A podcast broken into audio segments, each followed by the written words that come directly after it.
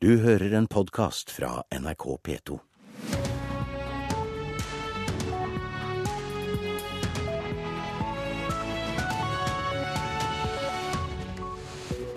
Det går altså mot en avtale for Hellas. Etter intense møter i hele natt skal det være semje om ei skisse til et kompromiss.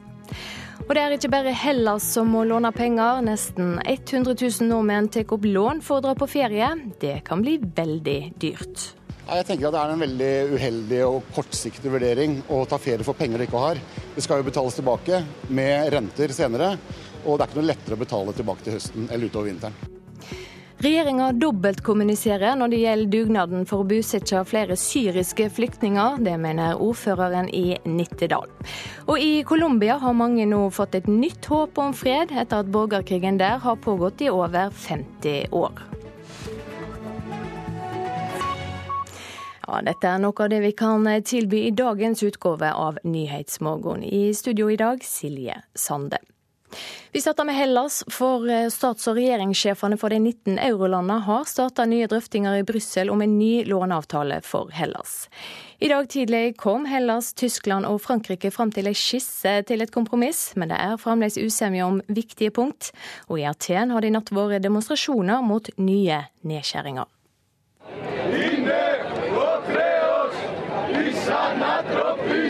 Mens Europas ledere strides i Brussel, er noen hundre greske demonstranter samlet på Syntagma-plassen i sentrum av den greske hovedstaden. For dem er det ingen god nyhet at den greske regjeringen nå synes nær en avtale med sine kreditorer.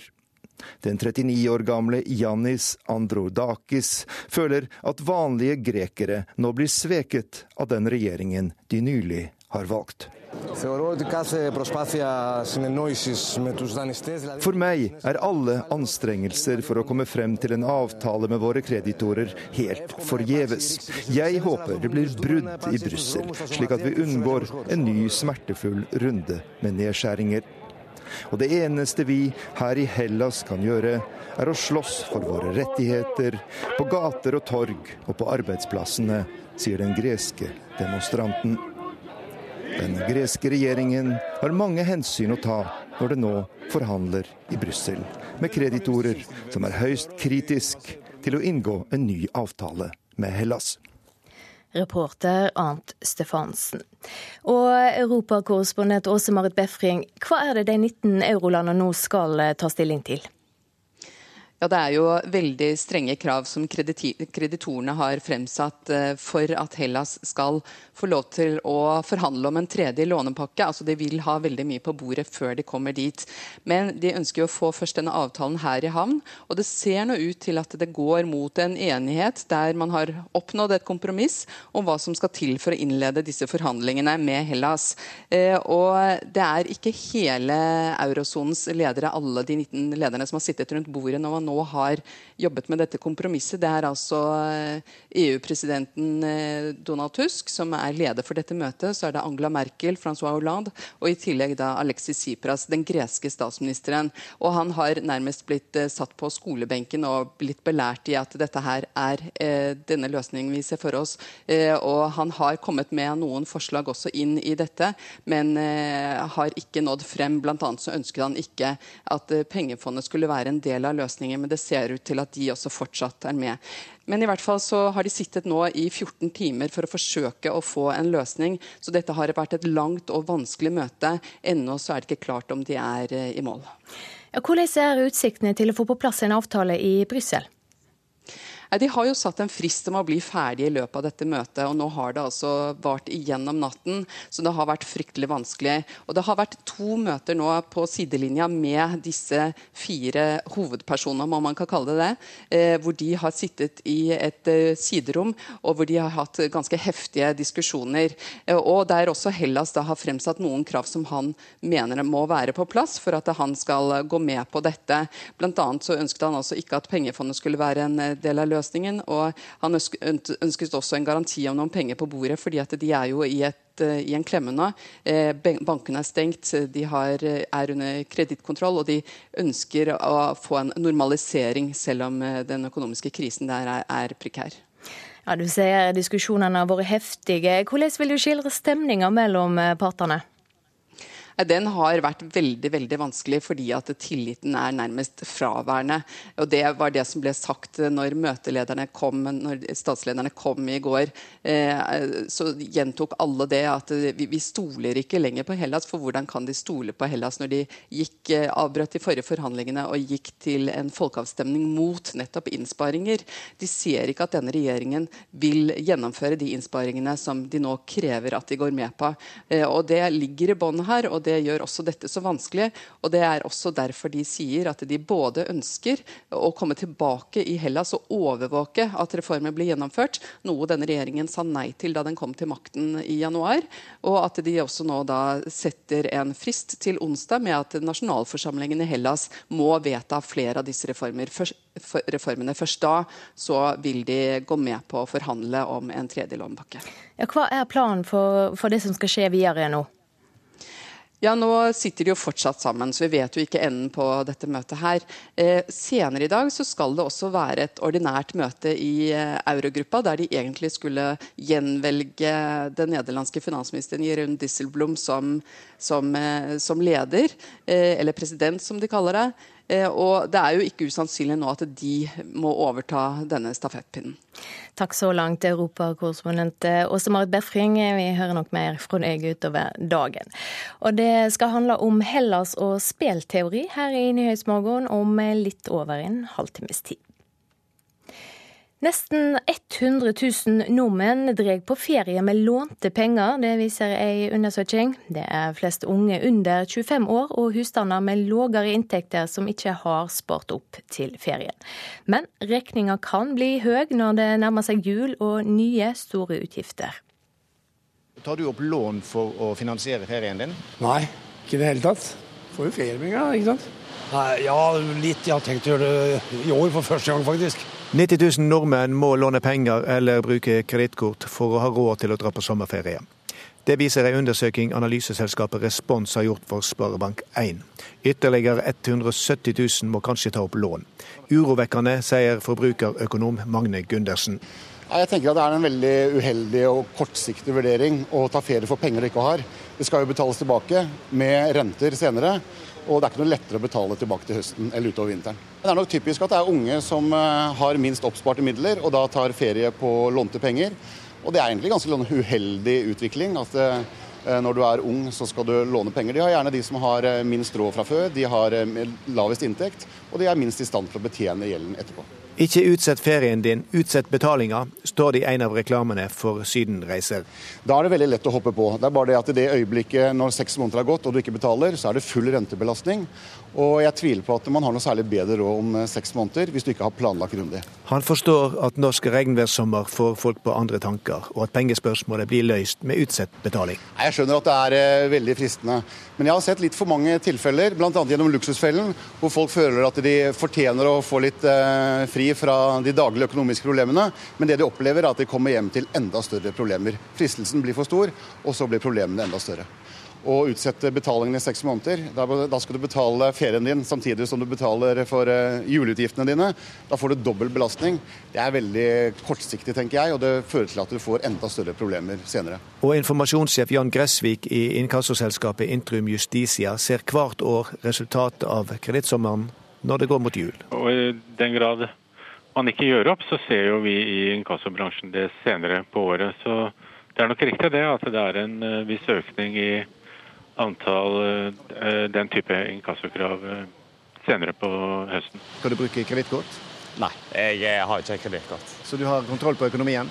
Eh, ja, til en viss grad. Ellers har vi jo alltid mamma og pappa Så redder ut. Reporter her Bjørn Atle Gildestad. Røde Kors mener regjeringa må sende en klarere budskap om at flere kommuner skal være med på dugnaden om å bosette flere syriske flyktninger.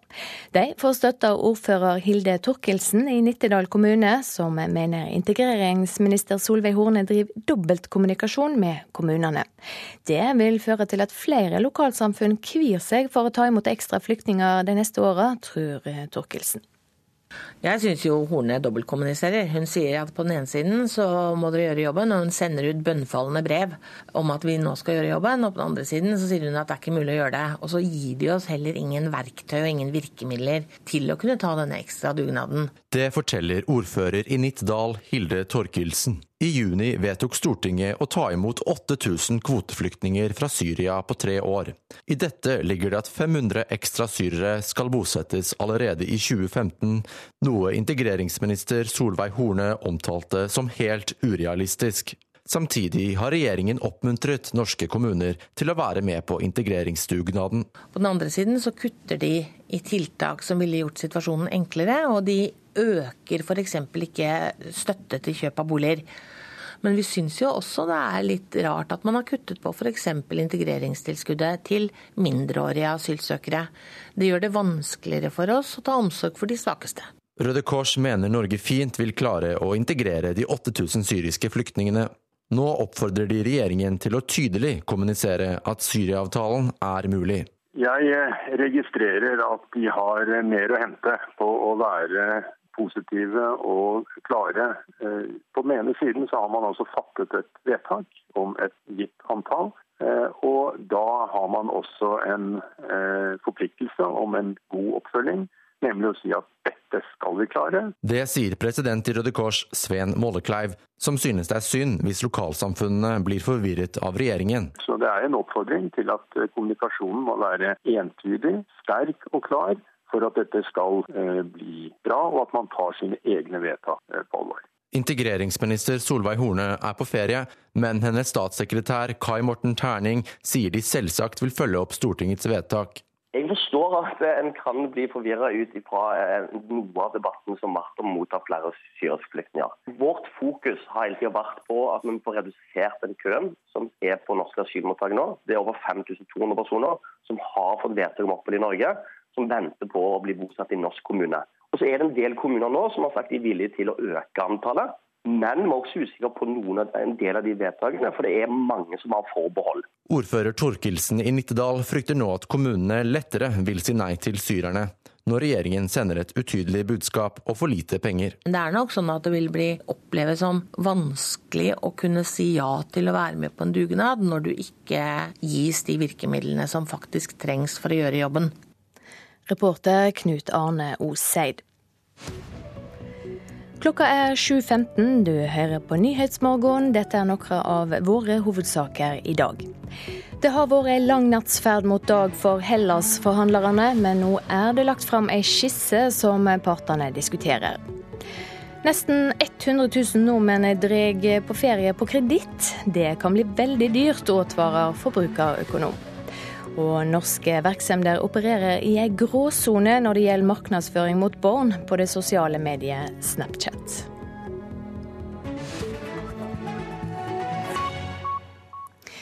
Regjeringa i Colombia har inngått en historisk avtale med FARC-geriljaen. De to partene har siden november 2012 forhandla om en fredsavtale på Cuba, og Norge har vært med på å tilrettelegge forhandlingene. Og det var fra Havanna nyheten om gjennombruddet kom i går kveld. Hay que comenzar ya a frenar las muertes, a frenar la destrucción y el dolor que deja cada. Vi må stoppe drapene, ødeleggelsene og smerten denne absurde konflikten fører til nesten daglig. Og vi vil avstå fra offensive handlinger dersom FARC holder sitt løfte om å gjøre det samme, sier Colombias president Juan Manuel Santos. I natt holdt han en TV-tale til folket sitt fra Bogotá. Hans forhandlere i Havanna lovet i går kveld å trappe ned militæraksjoner fra i neste uke. Og det er et klart gjennombrudd i fredsforhandlingene for å få slutt på en konflikt som har vart i 50 år, og som har kostet 200 000 mennesker livet. Beslutningen til den colombianske regjeringen kommer etter at FARC forrige onsdag erklærte en ensidig våpenhvile i en måned fra 20.07. Tiene hoy el pueblo colombiano la conquista específica de la tregua unilateral anunciada por las FAREP i dag har det colombianske folket vunnet en våpenhvile, sier FARCs sjefforhandler Ivan Marquez til Reuters i Havanna. Han mener beslutningen bereder grunnen for en mer varig avtale. De siste ukene har konflikten mellom FARC og Colombia blitt verre. Elleve regjeringssoldater ble drept i et bakholdsangrep fra FARC i april, og det fikk regjeringen til å trappe opp sine aksjoner mot geriljaen. Men nå lover altså president Santos å gi FARC en ny sjanse. Si las FARC cumplen, si no cumplen, om fire måneder vil jeg gjøre en ny vurdering av hvor godt de har oppfylt sine løfter, og bestemme om vi fortsetter prosessen eller ei, sa han i natt. Og det sa vår USA-korrespondent Tove Bjørgaas. Er nå på telefon utenriksminister Børge Brende. Hvor viktig er denne nye utviklinga i fredsforhandlingene mellom regjeringa i Colombia og FARC-geriljaen? Det var en uh, veldig uh, viktig beslutning fra både uh, FARC og fra den colombianske regjeringa. De var inne i en situasjon av en negativ spiral, hvor det var opptrapping av konflikten både fra FARC og fra regjeringas side. Nå er det enighet basert på den ensidige våpenhvilen fra FARC fra forrige uke, at den colombianske regjeringa skal trappe ned eh, sine angrep eh, etter 20. Eh, juli. Ja, For det siste halvåret har det jo vært nye kamper og flere drepne. Hvorfor er det nå mer grunn til å være optimistisk? Det har gått opp og ned. Det er en forferdelig krevende fredsprosess. Det er jo den lengstvarende, lengstvarende væpna konflikten i Eh, Latin-Amerika med over 200 000 drepte og millionervis med internt fordrevne flyktninger i Colombia. Og ikke minst så er jo det igjen veldig vanskelige spørsmål om overgangsjustis. Hvordan behandle de som har begått lovbrudd gjennom disse årene. Og nye angrep blir nok brukt som en del av forhandlingsprosessen nå, men nå var det i ferd med å komme eh, nesten ut av kontroll. Derfor så var det avgjørende at vi fikk på plass eh, denne forståelsen om eh, nedtrapping av konflikten i går i Havanna. Ja, har FARC-geriljaen, de som forhandler, har de kontroll på sine egne folk? Vi håper jo at både FARC og regjeringa har kontroll på sine egne folk. Det er jo grupperinger innenfor både FARC og den colombianske hæren som ikke fullt ut Eh, er like entusiastisk når det gjelder en eh, mulig fredsavtale. Men eh, jeg har tro på at i de nærmeste månedene nå så har vi etablert et forhandlingsklima i Havanna som er langt bedre og mer realistisk. Det kommer til å bli vanskelige forhandlinger, ikke minst pga. at dette med overgangsjustis gjenstår. Men det har jo fått på plass viktige elementer i en avtale, bl.a. når det gjelder politisk deltakelse, når det gjelder jordreform, når det gjelder narkotika, som dessverre er en veldig utbredt, eh, et utbredt problem, og som òg skaper inntekter, ikke minst for geriljaen. Så nå gjenstår overgangsjustis, og ikke minst hvordan man skal behandle alle de våpnene som er i Colombia. Takk skal du ha for at du var med, utenriksminister Børge Brende. Vi skal se på hva avisene skriver om i dag. Småselskap fant olje der Statoil gav opp, skriver Dagens Næringsliv. Nå kan dette området syne seg å inneholde et av de største oljefunnene i Norge de siste åra. Og oljekrisa råker de ansatte sin sparegris, skriver Bergens Tidende. Det merker bl.a. Statoil-ansatte som har kjøpt aksjer i eget firma. Eksperter advarer mot å investere i aksjer i samme firma der en jobber. Brått kan en stå igjen uten jobb eller spare pensjon. Kirsti Birgitte Forsberg er den første i verden som får ny behandling for den svært alvorlige nervesykdommen ALS, forteller Aftenposten. Nå drar 46-åringen til Moskva for å få den nye stamcellebehandlinga som ingen andre har fått før. En avdelingsleder i Felleskjøpet er dømt for grov korrupsjon i lagmannsretten. Han lot seg bestikke med en bortmotor til en halv million kroner. Nå må både han og mannen som ga bort motoren, sone i fengsel, skriver Finansavisen. Demokratiet i Hellas er sett ut av spill, sier professor og statsviter Øyvind Østerud til Klassekampen. Han mener EU har svikta, og at det beste ville være å hjelpe Hellas ut av eurosona. Endelig lykke, skriver Dagbladet om Knut Arild Hareide og kona Lisa Maria. I sommerintervjuet forteller Hareide bl.a. om støtte fra partikollega og tidligere statsminister Kjell Magne Bondevik. Bønder kjører dobbelt så langt som for 15 år siden, ifølge Nasjonen. Jo mer leiejord, jo mer øker avstandene for å frakte gras og gjødsel. Nå foreslår fagdirektør Ola Christian Rygg i Landbruksdirektoratet å opprette en børs for enklere kjøp og sal av matjord. Vårt Land har møtt ei romkvinne som tigger i den eneste kommunen i landet med tiggeforbud. Vi er de eneste fordi ingen andre tør, sier ordføreren i Lillesand. Nær ei av fem kvinner har opplevd uønska seksuell merksemd av fulle kollegaer på jobbfest, skriver Dagsavisen. Nå vil Aktis, som er samarbeidsorganisasjon for rusfeltet, ha LO og NHO på banen. Og Redun skulle hatt antidepressiva, men fikk cellegift fra sykehuset, skriver VG. Hun kom seg aldri igjen og døde et halvt år etterpå. Familien tror 70-åringen ville ha vært i live om ikke sykehuset hadde gjort feil.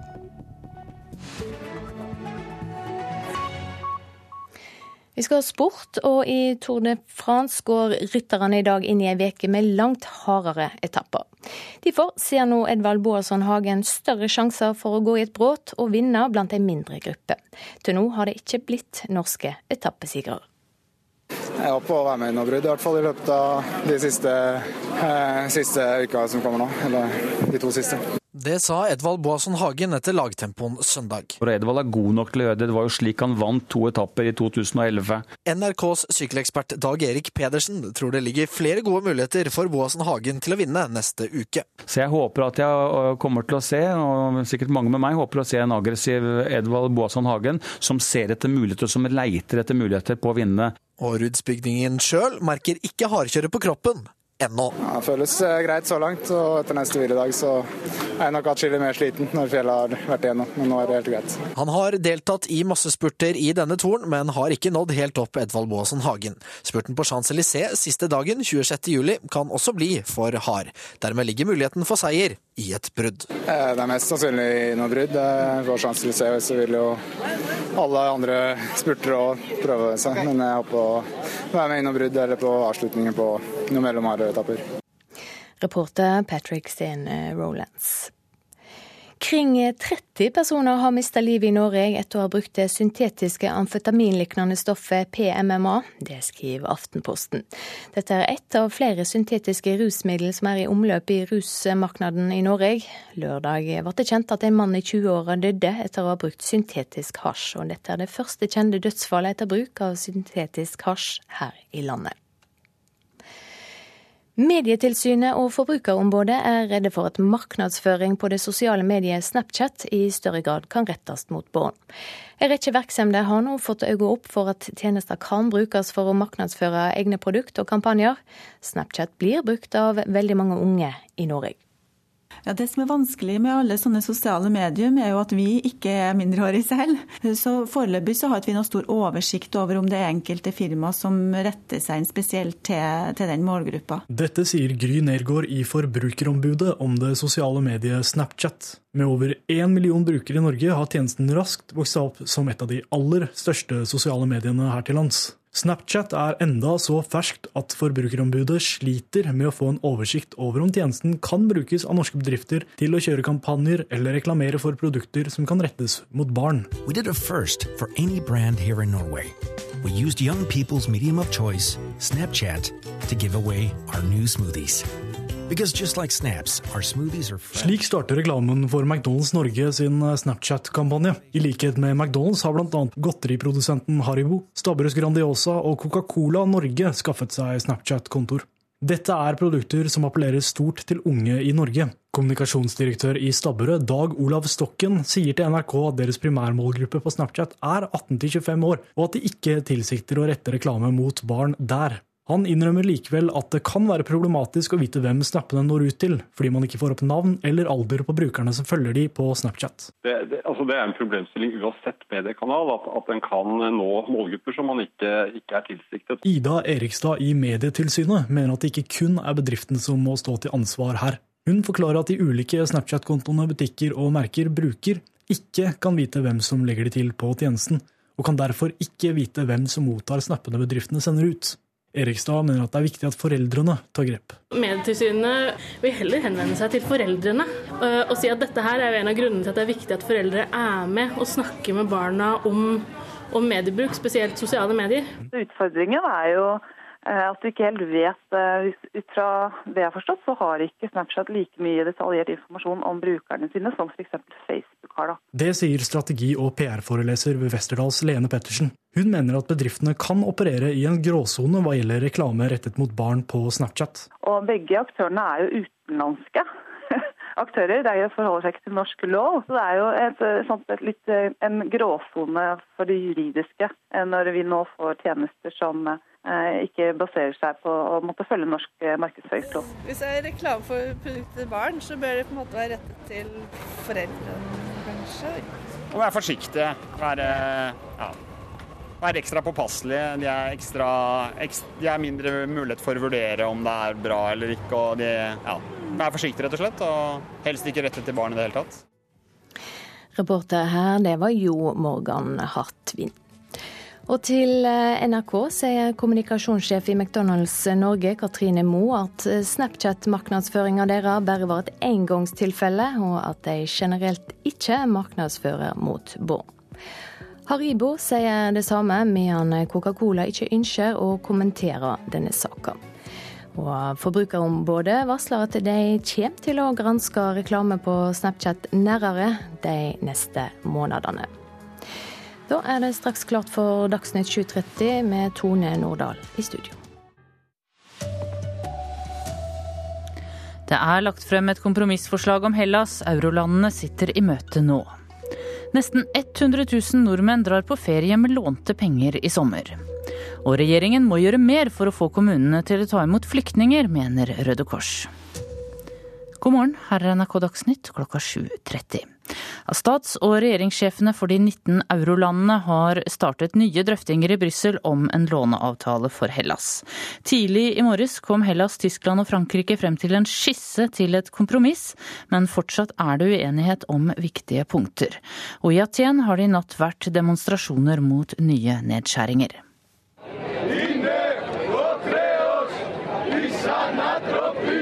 Mens Europas ledere strides i Brussel, er noen hundre greske demonstranter samlet på Syntagma-plassen i sentrum av den greske hovedstaden. For dem er det ingen god nyhet at den greske regjeringen nå synes nær en avtale med sine kreditorer. Den 39 år gamle Yannis Androdakis føler at vanlige grekere nå blir sveket av den regjeringen de nylig har valgt. For meg er alle anstrengelser for å komme frem til en avtale med våre kreditorer helt forgjeves. Jeg håper det blir brudd i Brussel, slik at vi unngår en ny smertefull runde med nedskjæringer. Og det eneste vi her i Hellas kan gjøre, er å slåss for våre rettigheter på gater og torg og på arbeidsplassene, sier den greske demonstranten.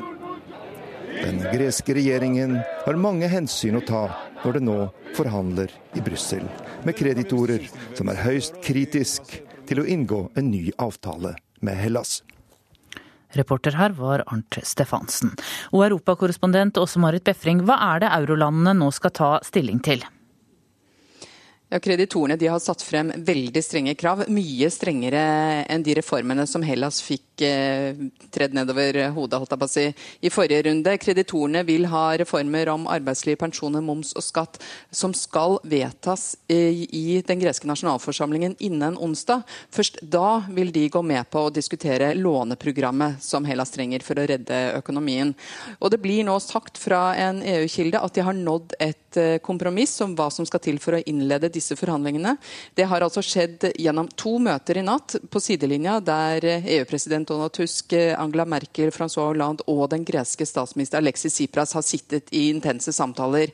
Og Der skal Tsipras nærmest ha blitt belært av den tyske kansleren, og den franske presidenten har kommet til kort når han, på sin side har forsøkt å få til en kompromissløsning. For Hellas har også noen krav. Eh, hvor langt de har kommet Hellas i møte denne gangen, det gjenstår å se. Men nå sitter de altså i slutt, sluttforhandlingene rundt denne skissen, visstnok. Ja, det er langt strengere tiltak enn det som har ligget på bordet tidligere, sier du. Hva sier Hellas om forslaget som ligger på bordet nå? Det er klart at For Hellas så er dette vanskelig å svelge. Denne regjeringen har jo gått til valg på at den skulle bryte med denne innsparingspolitikken, og nå sitter de altså og gjennomfører nettopp den politikken som de ville ta avstand fra. Det gjør det også veldig vanskelig for regjeringen, selvfølgelig i hjemlandet, som vi også hørte i reportasjen. Den vil nok møte mye motstand. Og noe som også er veldig vanskelig for dem å svelge, er at kreditorene nå har sagt at vi vil være på bakken i Hellas. Vi ønsker å være der og overvåke at dere virkelig gjennomfører disse reformene reformene. Og det var noe denne regjeringen eh, gjorde slutt på da den kom til makta for et halvt år siden. Eh, de ønsker altså ikke den såkalte troikaen tilbake på gresk jord. Takk skal du ha, Åse Marit Befring, med oss fra Brussel. Nesten 100 000 nordmenn drar på ferie med lånte penger, viser en undersøkelse. Det er flest unge under 25 år og folk med lav inntekt som låner til ferien. Men ferie på kreditt, det kan bli dyrt. Tar du opp lån for å finansiere ferien din? Nei, ikke i det hele tatt. Får jo feriepenger, da, ikke sant. Nei, ja, litt. Jeg har tenkt å gjøre det i år for første gang, faktisk. 90 000 nordmenn må låne penger eller bruke kredittkort for å ha råd til å dra på sommerferie. Det viser en undersøking analyseselskapet Respons har gjort for Sparebank1. Ytterligere 170 000 må kanskje ta opp lån. Urovekkende, sier forbrukerøkonom Magne Gundersen. Jeg tenker at Det er en veldig uheldig og kortsiktig vurdering å ta ferie for penger du ikke har. Det skal jo betales tilbake med renter senere. Det er nok typisk at det er unge som eh, har minst oppsparte midler, og da tar ferie på lånte penger. Og det er egentlig ganske en uheldig utvikling. at Eh, når du er ung, så skal du låne penger. De har gjerne de som har eh, minst råd fra før, de har eh, lavest inntekt, og de er minst i stand til å betjene gjelden etterpå. Ikke utsett ferien din, utsett betalinga, står det i en av reklamene for Sydenreiser. Da er det veldig lett å hoppe på. Det er bare det at i det øyeblikket når seks måneder har gått og du ikke betaler, så er det full rentebelastning. Og utsette betalingen i seks måneder, da skal du betale ferien din samtidig som du betaler for juleutgiftene dine. Da får du dobbel belastning. Og informasjonssjef Jan Gressvik i inkassoselskapet Intrum Justitia ser hvert år resultatet av kredittsommeren når det går mot jul. Det er nok riktig det at det er en eh, viss økning i antall eh, den type inkassokrav eh, senere på høsten. Reporter her var Bjørn Atle Gildestad. En 46 år gammel mann ble pågrepet i natt etter at han rømte fra Kristiansand fengsel i forrige uke. Mannen ble pågrepet i nærheten av Mandal, opplyser politiet. Han har til sammen 22 dommer. Regjeringen må kommunisere bedre med norske kommuner for å få dem til å ta imot syriske flyktninger, det mener Røde Kors. Stortinget har vedtatt at Norge skal ta imot 8000 flyktninger fra Syria, og de trenger alle et sted å bo. Integreringsminister Solveig Horne driver dobbeltkommunikasjon med kommunene, mener ordfører i Nittedal Hilde Torkelsen. Jeg syns jo Horne dobbeltkommuniserer. Hun sier at på den ene siden så må dere gjøre jobben, og hun sender ut bønnfallende brev om at vi nå skal gjøre jobben. Og på den andre siden så sier hun at det er ikke mulig å gjøre det. Og så gir de oss heller ingen verktøy og ingen virkemidler til å kunne ta denne ekstra dugnaden. I juni vedtok Stortinget å ta imot 8000 kvoteflyktninger fra Syria på tre år. I dette ligger det at 500 ekstra syrere skal bosettes allerede i 2015, noe integreringsminister Solveig Horne omtalte som helt urealistisk. Samtidig har regjeringen oppmuntret norske kommuner til å være med på integreringsdugnaden. På den andre siden så kutter de i tiltak som ville gjort situasjonen enklere, og de øker f.eks. ikke støtte til kjøp av boliger. Jeg eh, registrerer at de har mer å hente på å være positive og klare. Det sier president i Røde Kors, Sven Mollekleiv, som synes det er synd hvis lokalsamfunnene blir forvirret av regjeringen. Så Det er en oppfordring til at eh, kommunikasjonen må være entydig, sterk og klar for at dette skal eh, bli bra, og at man tar sine egne vedtak eh, på alvor. Statssekretær i Barne-, likestilling og inkluderingsdepartementet Kai Morten Terning forklarer at det er en krevende situasjon, siden det allerede er mange flyktninger som ennå ikke har blitt bosatt. Så det er ingen tvil at denne regjeringen tar bosetting og integreringsarbeidet på alvor. Men når det er en pågående debatt der en vurderte å ta imot flere, og også debatten dreide seg om 10 000 i løpet av 2015-2016, så er det selvsagt vår oppgave å informere om hva konsekvensene av de vedtakene kan være. Men når vedtaket er gjort, så kommer selvsagt regjeringen til å følge opp det vedtaket. Reporter her var Knut Arne Oseid. Folk er stort sett flinke til å følge det nye påbudet om bruk av redningsvest, mener Politidirektoratet. Hittil i sommer har 2000 fritidsbåter blitt kontrollert. I 68 av sakene ble det delt ut bøter. Og så skal vi starte båten. På Gjellestad i Bergen er Elisabeth Ludvigsen på vei ut på båttur sammen med nivøen Øyvind. En, to, tre. De to har begge redningsvest på seg. Påbudet om bruk av redningsvest i båter under åtte meter kom 1. mai i år. Og så langt har politiet gitt ut få forelegg for manglende bruk av vest. Det sier Ole Petter Parnemann i Politidirektoratet så eh, skal det være kontrollert i overkant av 2000 fritidsfartøyer. Og av disse så er det 68 saker der eh, det er reagert. Og han sier politiet opplever at folk er flinke til å huske vesten. Politiets generelle inntrykk er vel at eh, folk flest følger pålegget om bruk av vest og flytemidler. Bruker du redningsvest? Ja. Nei, jeg er nok ikke så flink som jeg burde. Det gjør jeg. Alltid. Stort sett har jeg brukt det når jeg har vært i liten båt. Ja, pleier det. Selv om folk er flinke til å bruke redningsvest, er Parnemann opptatt av at det er andre ting som er viktig å passe på når en er ute i båt. Og nå på sommeren så er det da særlig kjøring i mørket. Kjøring i høy hastighet i mørket som selvfølgelig forsterker farepotensialet voldsomt. Kjøring uten lanterner. Og selvfølgelig, hvis man i tillegg har promille, så blir sjansene for ulykker vesentlig forhøyet. Reporter her var Marte Njåstad. Ansvarlig for Dagsnytt denne morgenen er Gro Arneberg. Det tekniske ansvaret har Beate Haugtrø. Her i studio Tone Nordahl.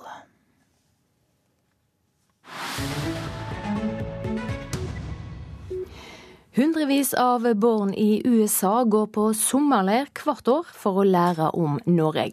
Og mange av dem kommer att år etter år for å lære norsk. Kollega Tove Bjørgaas har vært på reportasjetur langt inn i skogen nord i delstaten Minnesota.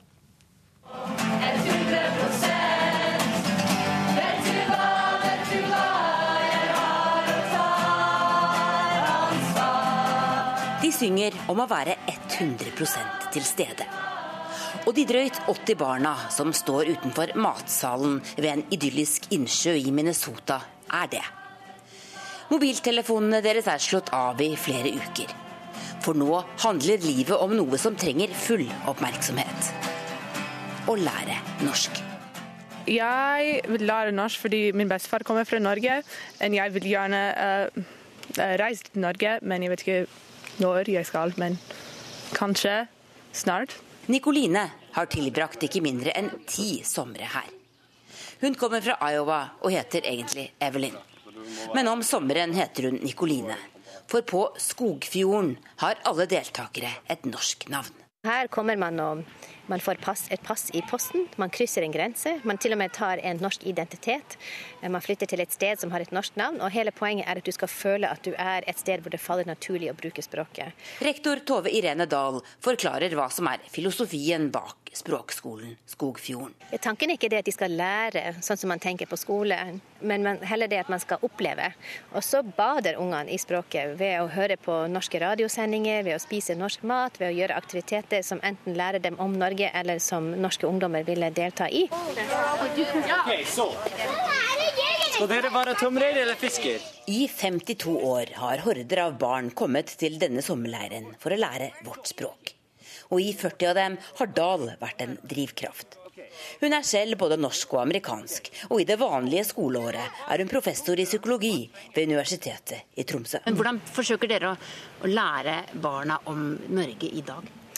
Altså, det er mange ting vi gjør, men det første er at vi må bekrefte for ungene som kommer hit med den norske bakgrunnen, at den har verdi. Så at man kanskje har rosemaling hjemme og at man spiser krumkake, det er jo kjempeflott. Det, det, knytter dem til noe som betyr mye for familien. Men samtidig, er vi opptatt av å fornye deres forhold til Norge. Så da sier vi litt mer om hvordan de tingene som er i deres familie eller deres bakgrunn, hvordan, hva slags plass det har i Norge i dag. Og så prøver vi å utvide deres perspektiv på Norge. Ja, det har jeg. Skogfjorden er en del av Concordia Colleges språklandsbyer for barn. Andre steder i denne skogen kan en lære både tysk, fransk og italiensk. Så hvorfor går flere hundre barn for norsk? Når jeg var syv år gammel, så sa jeg til mor at jeg vil lære uh, norsk. 17 år gamle Sarah Ottermark forklarer hvorfor på klingende jærdialekt. Hun er nettopp kommet hjem fra et år som utvekslingselev på Nærbø. Jeg liker det veldig mye. og det er, jeg, jeg finner meg sjøl her. Jeg kan være meg sjøl, og jeg kan si, si, hva jeg vil. Og uh, alle hører på meg, og, og jeg føler meg trygg. Hva skal vi spise? Det er middag, og reglene er klare. Den som snakker bare norsk hele måltidet, får poeng. Og før noen får spise, skal dagens meny resiteres i plenum. Og kjøkkenet er stolt å presentere din middag. Fisk. Fisk. Melk. Melk. Flatbrød.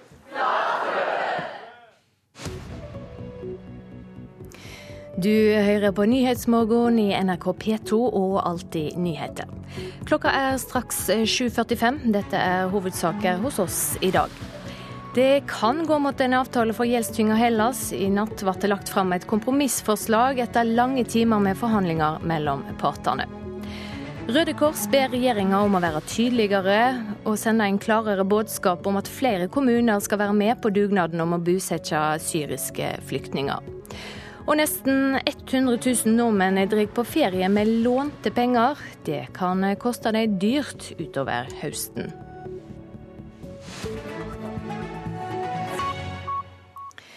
I forhandlingene mellom EU og Hellas har det den siste tida pågått et taktisk spill fra begge parter. Og Kjetil Storesletten, du er professor økonomisk institutt, ved, økonomisk institutt ved Universitetet i Oslo og kan mye om spillteori. Først, hva er egentlig spillteori? Det er læren om beslutninger når flere parter handler samtidig. Og det de gjør, avhenger av hva de andre gjør. Hva slags verkemiddel er det? Ja, det, det, hjelper oss til å forstå hva parter gjør eh, i situasjoner som f.eks. Eh, krig, eller forhandlinger, eller skilsmisse, eller eh, eh, hva det måtte være. Det, det er egentlig utvikla på initiativ fra den amerikanske hæren under andre verdenskrig. De ønska å forstå åssen Japan tenkte. Det ble et ganske viktig verktøy eh, under den kalde krigen for å forstå den såkalte terrorbalansen. Hvorfor Sovjetunionen og USA bygde opp et enormt arsenal av atomvåpen. Mer enn nok til å utslette hverandre. Der tanken var at nettopp ved å ha så mye eh, våpen, eh, så ville ingen tørre å angripe først. Fordi det ville føre til utslettelse av begge. Kan du gi oss dømme på slike spillteorier? Jeg kan gi et lite eksempel som jeg tror passer i situasjonen med Hellas. Eller som, som jeg tror iallfall øh, åssen Hellas har tenkt. Tenk deg at det står det er to fanger som er bundet sammen, lenka sammen. De står på kanten et stup. Og de får vite at ja, én av dere kan slippe fri. Den som ikke ber om å bli sluppet fri fra lenka. Okay? Og sånn kan du da overbevise den andre om at det er du som Hvordan kan du få den andre til å be om å bli sluppet fri? Du kan selvfølgelig true med å hoppe, men det virker ikke særlig troverdig. Men det du kan gjøre, er å begynne å danse og hoppe veldig nær stubet. Så det er ikke det at du overbeviser den andre om at du vil hoppe, men du viser at du er villig til å ta mye mer risiko enn den andre personen. Da kan verden andre vil slippe. Et eksempel. Den tidligere finansministeren i Hellas, Janis eh, Varoufakis, var selv, eh, eller er eh, spelteoriekspert. I hva grad vil du si at partene her har brukt spelteori i forhandlingene? Jeg vil si Det eksempelet som jeg viser til, har, jeg tror han har vist at han, eller Hellas, med han i spissen, er villig til å ta store sjanser. Og jeg tror de har tenkt på den situasjonen at hvis Hellas går ned, så vil det være, føre til katastrofe for ikke bare Hellas, men også for EU og, og, og verden. Og jeg tror det var en riktig analyse i 2010. Da tror jeg eh, finansminister og finansielle markeder var veldig redd for en, eh, for en uh, konkurs i Hellas. Fordi de tenkte at ikke pga. at Hellas er særlig stort eller viktig, men fordi de tenkte at det kunne, det kunne slå videre, og, og, så slå ut eh, land som Spania, Italia eh, osv., som EU ikke under noen omstendigheter vil ha mulighet til å, å, kunne redde. Det er ikke situasjonen nå. Eh, jeg tror det er det eh, de har skjønt etter hvert. Ja, Hvordan har Hellas spilt den siste tida? Ja, jeg tror de, jeg tror de to, en, de to en veldig stor uh, sjanse. De, de, de, hele siste halvåret så har de uh, vært med vilje ganske vanskelige. Og så i siste sekund, når de måtte bli enige om, en avtale, så tok de dette til en folkeavstemning. de ville kanskje vise at de var villige til å si nei, hvis ikke de fikk en tilstrekkelig god handel. Men EU men, men, men, dette har jo spilt rett inn i hendene på de partene i EU, de landene i EU som f.eks. Finland, Nederland, Tyskland, som ønsker å være mye hardere med Hellas. Fra deres synspunkt så eh, sier Hellas nei takk til blåbærplukking og ja takk til blåbærpai.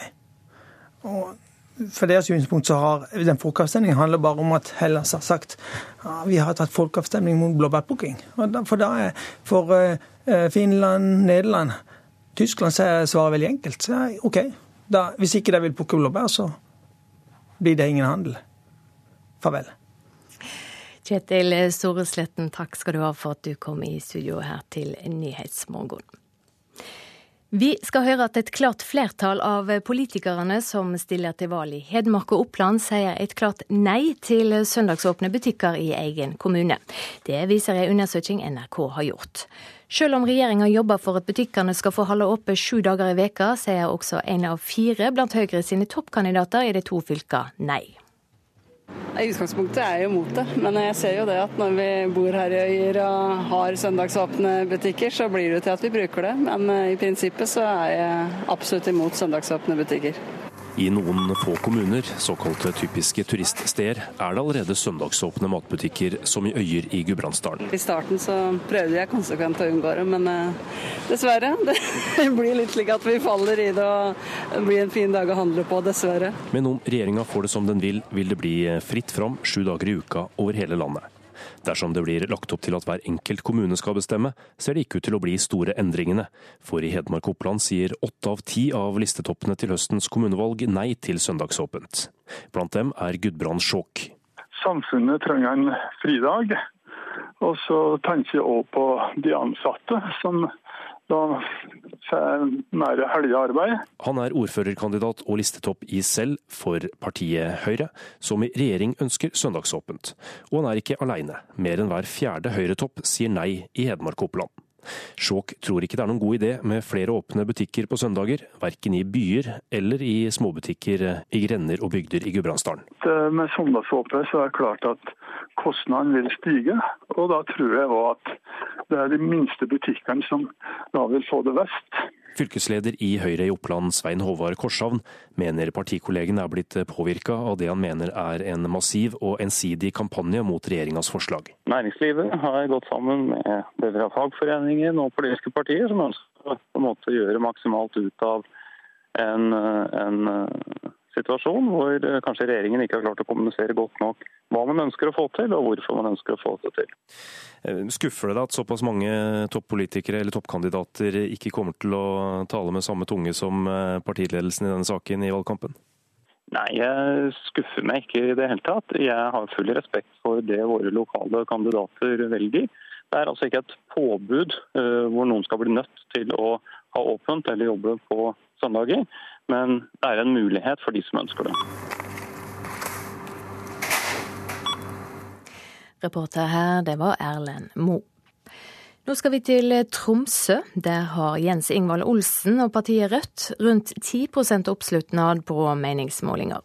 Og prognosene viser at Rødt vil være på den vinnende sida i kommunevalget i Tromsø, men ordførerkandidaten for Rødt vil ikke sitte i et byråd sammen med Arbeiderpartiet.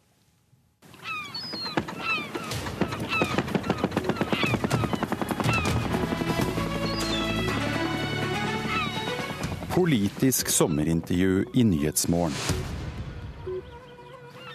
Jeg heter Jens Ingvar Olsen, er 63 år. Eh, står på førsteplass og ordførerkandidat for eh, Rødt i Tromsø. Ja, Tromsø kommune er jo en plass hvor jeg har bodd i eh, over 40 år og trives vanvittig godt i. Og, og uh, jobba i over 30 år som bygningsarbeider. Så jeg kjenner jo mange deler av, av byen og har vært med og, og bygd den i bokstavelig talt. Foran valget til høsten, hva er de mest sentrale stridsspørsmålene i Tromsø? Ja, For eh, oss er det jo det å stoppe privatisering av eh, den virksomheten som eh, Tromsø kommune driver. Tromsø kommune er jo først og fremst en velferdsprodusent. og og det er over 5000 ansatte som i hovedsak jobber med og i lag med andre folk og skal yte velferd fra vogge til grav.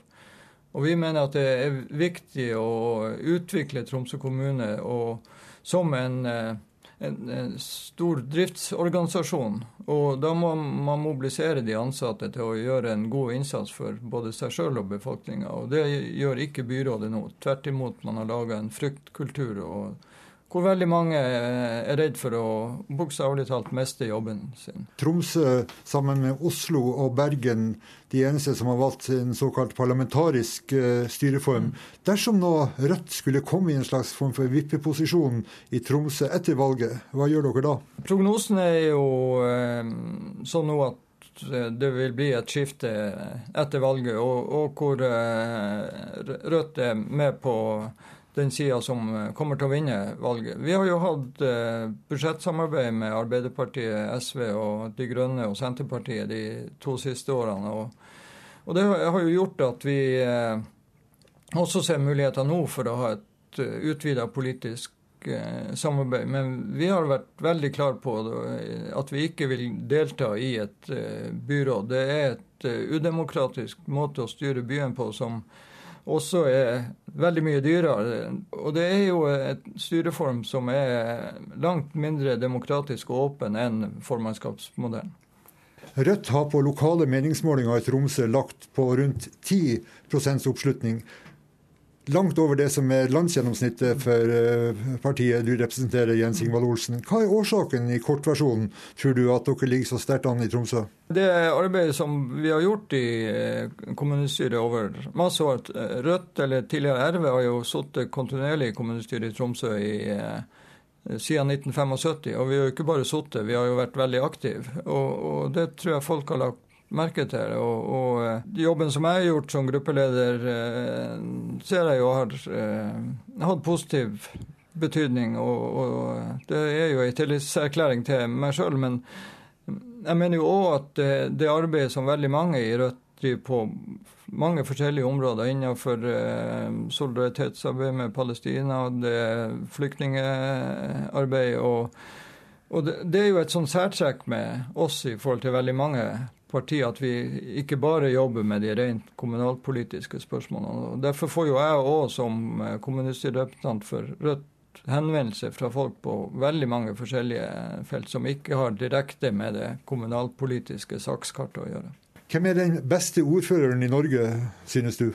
Ja, Vi har jo hatt en veldig bra ordfører i, i Tromsø etter at han eh, snudde og, og, gikk bort fra den politiske plattforma han ble valgt på, nemlig en veldig sterk antisamisk eh, politisk plattform. og Da snakker du om Høyres Jens Johan Hjort? Ja, da snakker jeg om Jens Johan eh, Hjort. Og, og, eh, og, det er jo ikke tvil om at han har gjort en veldig god jobb for Tromsø kommune, som på en måte litt fri, fristilt ordfører i forhold til plattforma til byrådet.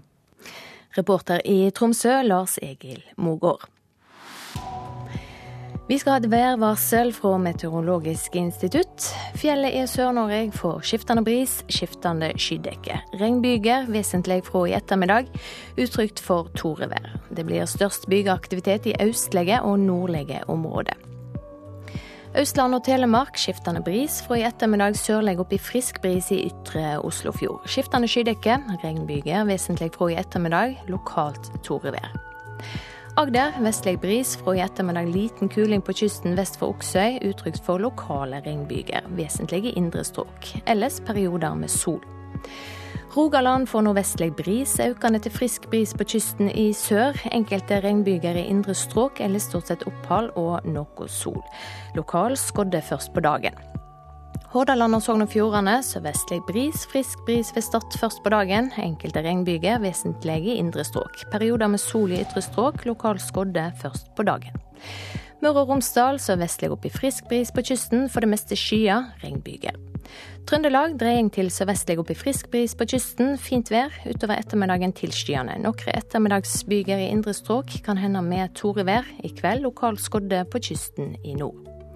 Helgeland, Saltfjellet, Salten og Ofoten skiftende bris. Fint vær, men spredde ettermiddagsbyger i indre strøk. Sent i kveld kan hende skodde skyer på Helgelandskysten. Lofoten, Vesterålen og Troms nordøstlig bris, liten kuling langs kysten eller stort sett fint vær. Finnmark får nordøstlig bris, periodevis frisk bris på kysten, kan hende liten kuling lengst vest. I øst spredde regnbyger, i vest opphold og perioder med sol. Og Nordensjøland på Spitsbergen skiftende bris, en del skoddeskyer i kyststrøka, og det kan bli regn. Så har vi temperaturene målte klokka sju. Svalbard lufthavn, Kirkenes og Vardø hadde alle seks. Alta åtte, Tromsø og Langnes ti, Bodø 13, Brønnøysund 16, Trondheim-Værnes 17, Molde 15. Bergen, Flesland og Stavanger begge 11. Kristiansand, Kjevik og Gardermoen begge 14. Lillehammer 13, Røros 12 og Oslo-Blindern 15 grader. Og der venter små temperaturendringer over hele landet. Straks tid for Dagsnytt klokka åtte. Etter det skal vi snakke med vår reporter i Aten her i Nyhetsmorgen om den siste utviklinga i Hellas-forhandlingene. Produsent for Nyhetsmorgen i dag Elise Hissel Asbjørnsen, programleder Silje Sande.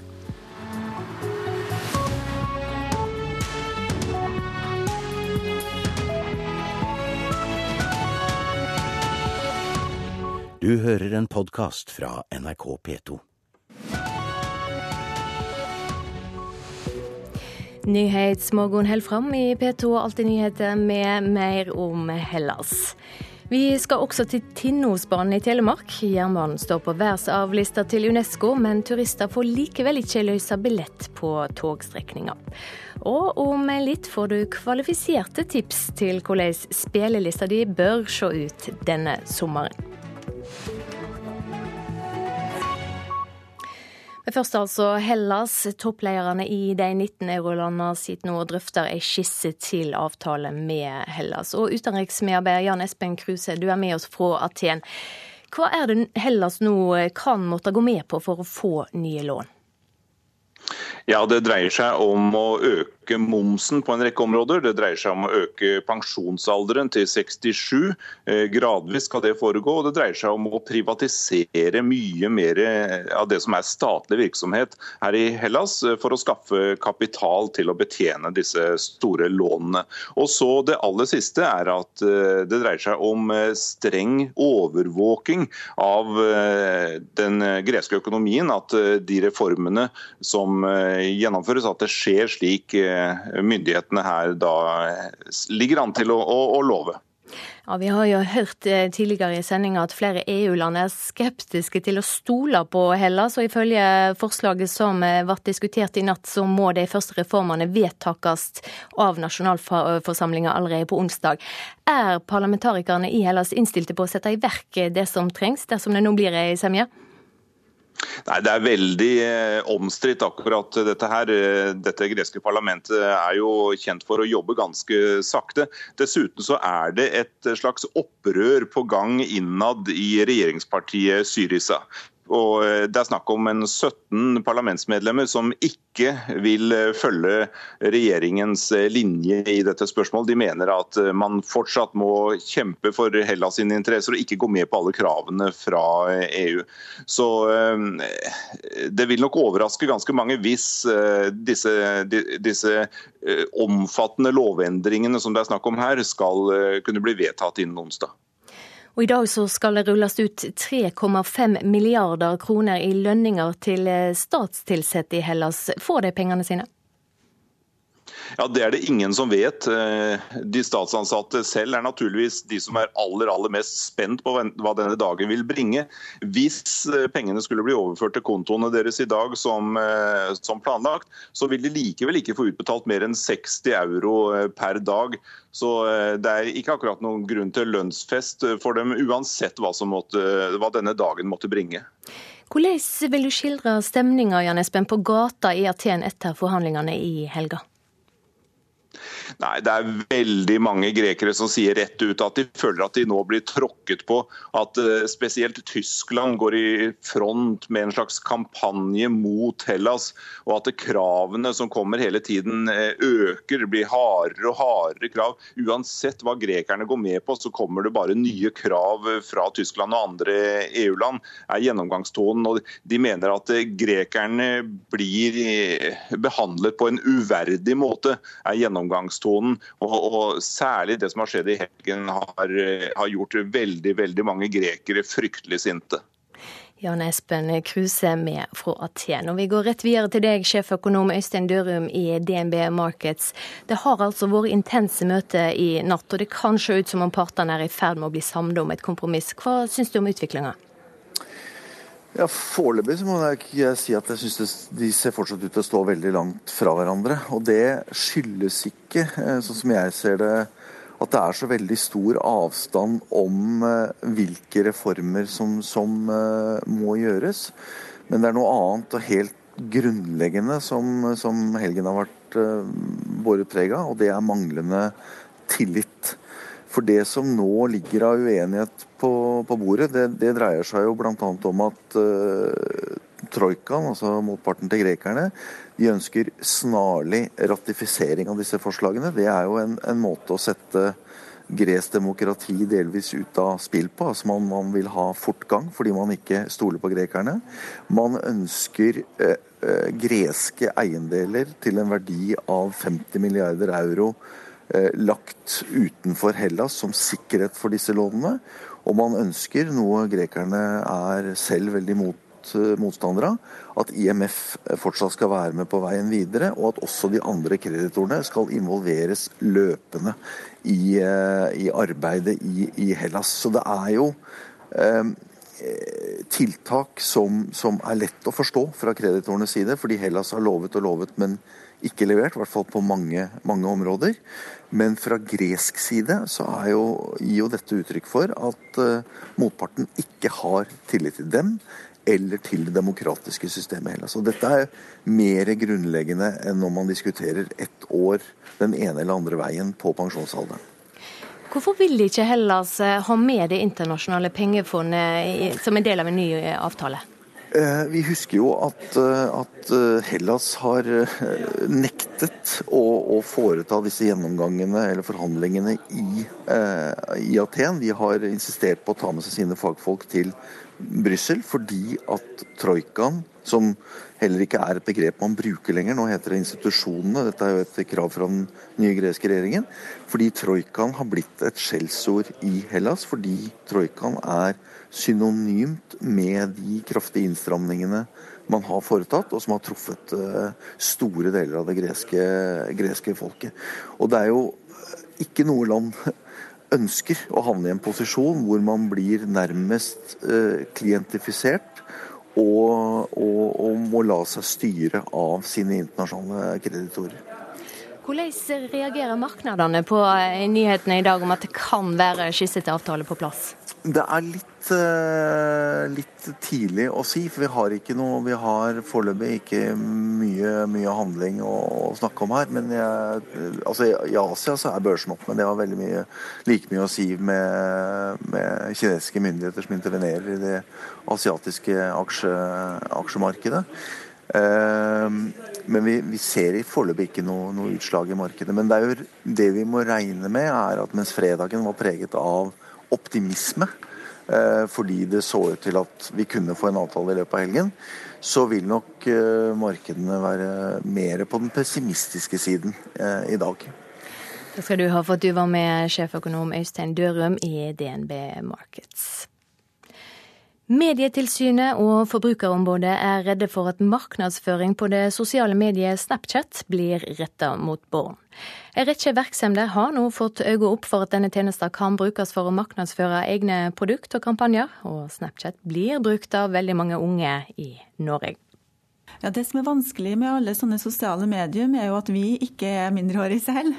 Så Foreløpig så har vi noe stor oversikt over om det er enkelte firma som retter seg inn spesielt til, til den målgruppa. Dette sier Gry Nergård i Forbrukerombudet om det sosiale mediet Snapchat. Med over én million brukere i Norge har tjenesten raskt vokst opp som et av de aller største sosiale mediene her til lands. Snapchat er enda så ferskt at Forbrukerombudet sliter med å få en oversikt over om tjenesten kan brukes av norske bedrifter til å kjøre kampanjer eller reklamere for produkter som kan rettes mot barn. We did a first for any brand here in Norway. We used young people's medium of choice, Snapchat, to give away our new smoothies. Like snaps, Slik starter reklamen for McDonald's Norge sin Snapchat-kampanje. I likhet med McDonald's har bl.a. godteriprodusenten Haribo, Stabburøs Grandiosa og Coca-Cola Norge skaffet seg Snapchat-kontor. Dette er produkter som appellerer stort til unge i Norge. Kommunikasjonsdirektør i Stabburet, Dag Olav Stokken, sier til NRK at deres primærmålgruppe på Snapchat er 18-25 år, og at de ikke tilsikter å rette reklame mot barn der. Han innrømmer likevel at det kan være problematisk å vite hvem snappene når ut til, fordi man ikke får opp navn eller alder på brukerne som følger de på Snapchat. Det, det, altså det er en problemstilling uansett mediekanal, at, at en kan nå målgrupper som man ikke, ikke er tilsiktet. Ida Erikstad i Medietilsynet mener at det ikke kun er bedriftene som må stå til ansvar her. Hun forklarer at de ulike Snapchat-kontoene butikker og merker bruker, ikke kan vite hvem som legger de til på tjenesten, og kan derfor ikke vite hvem som mottar snappene bedriftene sender ut. Erikstad mener at det er viktig at foreldrene tar grep. Medietilsynet vil heller henvende seg til foreldrene øh, og si at dette her er en av grunnene til at det er viktig at foreldre er med og snakker med barna om, om mediebruk, spesielt sosiale medier. Utfordringen er jo Eh, at du ikke helt vet eh, Ut fra det jeg har forstått, så har ikke Snapchat like mye detaljert informasjon om brukerne sine som f.eks. Facebook har. da. Det sier strategi- og PR-foreleser ved Westerdals Lene Pettersen. Hun mener at bedriftene kan operere i en gråsone hva gjelder reklame rettet mot barn på Snapchat. Og begge aktørene er jo utenlandske aktører. Det forholder seg ikke til norsk lov. Så det er jo et, sånt, et litt, en gråsone for det juridiske eh, når vi nå får tjenester som Eh, ikke baserer seg på å måtte følge norsk eh, markedsføringslov. Hvis det er reklame for produkter til barn, så bør det på en måte være rettet til foreldrene, kanskje. Og være forsiktige. Være, ja, være ekstra påpasselige. De er, ekstra, ekstra, de er mindre mulighet for å vurdere om det er bra eller ikke. og de ja, er forsiktige, rett og slett. Og helst ikke rettet til barn i det hele tatt. Reporter her Jo Morgan Hartvin. Og til NRK sier kommunikasjonssjef i McDonald's Norge Katrine Moe at Snapchat-markedsføringa deres bare var et engangstilfelle, og at de generelt ikke markedsfører mot barn. Haribo sier det samme, medan Coca-Cola ikke ønsker å kommentere denne saka. Og Forbrukerombudet varsler at de skal undersøke reklame på Snapchat nærere de neste månedene. Tinnosbanen på Notodden er nå en del av verdensarvlista til Unesco, men enn så lenge kan ikke turister nyte denne, denne strekninga med tog. For Telemark fylkeskommune og Jernbaneverket er på kollisjonskurs. Ja, Her ser vi den nye jernbanestasjonen på Notodden. En ny i den forstand at eh, den kom istedenfor den stasjonen som nå ligger inne i næringsparken. Bjørn Frode Moen i Notodden kommune syner stolt fram en del av Unescos verdensarv. Han ønsker seg aktivitet på strekninga igjen ved hjelp av museumstog. Vi ønsker å koble oss på verden igjen. Og som verdensarv så, så, eh, så, har vi jo store forventninger til flere som kommer og besøker dette området her slik. Men å få aktivitet på Tinnosbanen igjen er ikke bare lett. For fylkeskommunen mener at Jernbaneverket som eier har et ansvar for å sette banen i stand, slik at en kan kjøre museumstog på strekninga.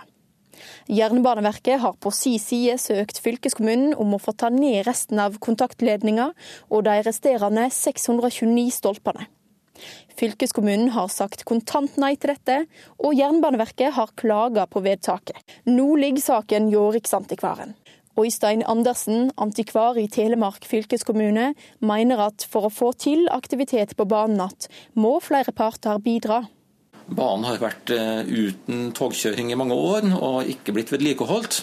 Så det er krav om ganske mye penger og investeringer som må på plass for å få det her til. Så har Jernbaneverket vist liten vilje til å sette banen i stand og legge til rette for togkjøring. og Det har vært en pågående dialog over mange år og kommer til å fortsette å være det også. Det er den ene sida av saken. Og så har vi jo nå fått søknad på Jernbaneverket om en del tiltak som de ønsker å gjøre på banen, som er en juridisk sak som pågår nå, som da er en, som en klagesak som ligger hos Riksantikvaren for øyeblikket.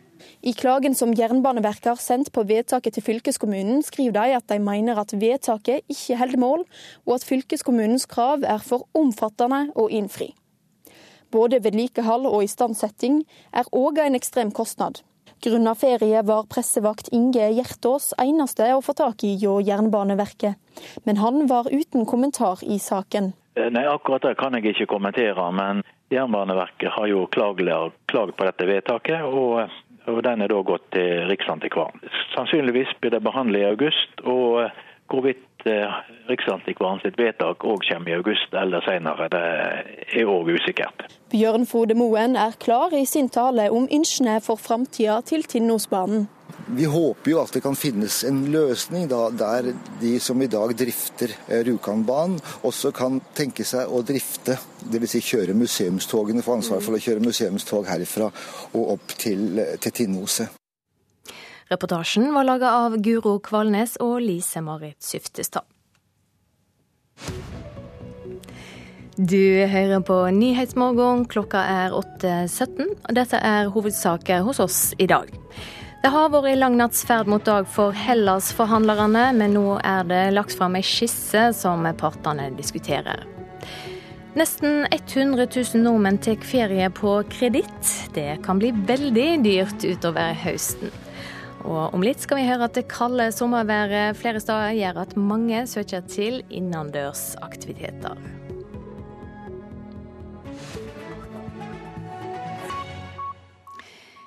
Hva musikk bør du ha på øra i ferien? Det spørsmålet gir våre musikkunnige medarbeidere svar på hver uke gjennom hele sommeren. Og i dag er det Trine Åndal, musikkjournalist i P3 som gir råd. Velkommen. Tusen takk. Eh, god morgen. Ehm, jeg har med en låt som jeg har blitt veldig glad i denne sommeren her. Eh, som har bare jobba seg inn i hjernebarken mens vi har gått mot varmere årstid. Det er en britisk produsent som heter Jamie XX som har tatt med seg et eh, gammelt soul sample og to urbane nye stemmer og masse karibisk stemning, og laga en låt som eh, heter I Know There's Gonna Be Good Times.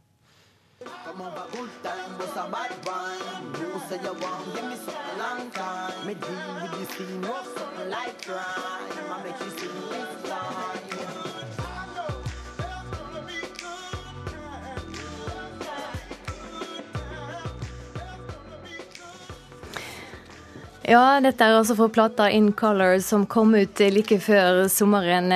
Den blir lovprisa av kritikere. Hva er det med denne plata? Eh, det er et veldig oppslukende og fengende album som viser et talent i, i, full blomst. Eh, det er veldig elektronisk og klubbete. Den låta som vi hørte her, ikke den mest representative, men den mest sommerlige. Eh, men selv om det er liksom elektronisk og ganske klubborientert, så er det også med veldig mye varme og menneskelighet i bunn. Det er lett å høre at Jamie XX er vokst opp på 90-tallet i London. Her er det spor av rave og trip-hop og mye 90-tallsreferanser. Men også liksom hint av gammel soul og litt sånn smått psykedeliske elementer. Og det er veldig, et veldig kreativt album, og det byr på utvalgte gjesteartister. Veldig, veldig gjennomarbeida og låter veldig, veldig bra. og og fint å dykke inn i sommeren. Ja, hvem er Jamie XX? Eh, han er en av tre i et britisk band som heter DXX. Han er den, den minst kjente av de tre, for eh, alle som har hørt på dem, har bitt seg merke i vokalharmonien, men han, han, er den som har styrt produksjonen og elektronikken. Og plutselig har han bare skapt seg en karriere på egen hånd utafor bandet. Han har tidligere remiksa et helt album av en spoken word-legende som heter Jill Scott Heron, og så begynte det å skyte fart og blei solokarriere. Og for de som vil ha norsk musikk, eh, hva vil du tilrå der? Det er mye bra å velge mellom. Det har kommet mye bra norsk i år, men den eh, plata som har gått mest og kjørt eh, hjemme hos meg i det siste, er Jaga Jazzist sitt nye album.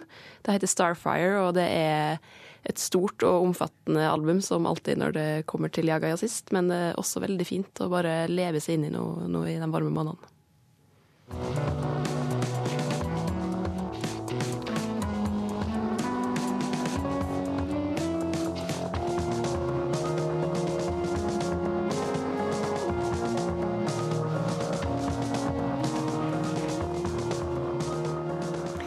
Ja, dette er altså bare en liten smakebit, for låtene på Starfire er fra rundt sju minutter til opptil et kvarter lange, og det skjer mye underveis? Ja, det gjør det. det de utfolder seg over ganske lang tid, disse låtene her. Lars Horntvedt, som er komponisten i Jaga sist, han sa på forhånd, eh, eller albumet ble sluppet, at målet den gangen her det var å lage musikk som er mer horisontal. De har alltid hatt et lydbilde der det skjer veldig mye på en gang, mens denne gangen så vil de bruke tid og la det strekkes utover.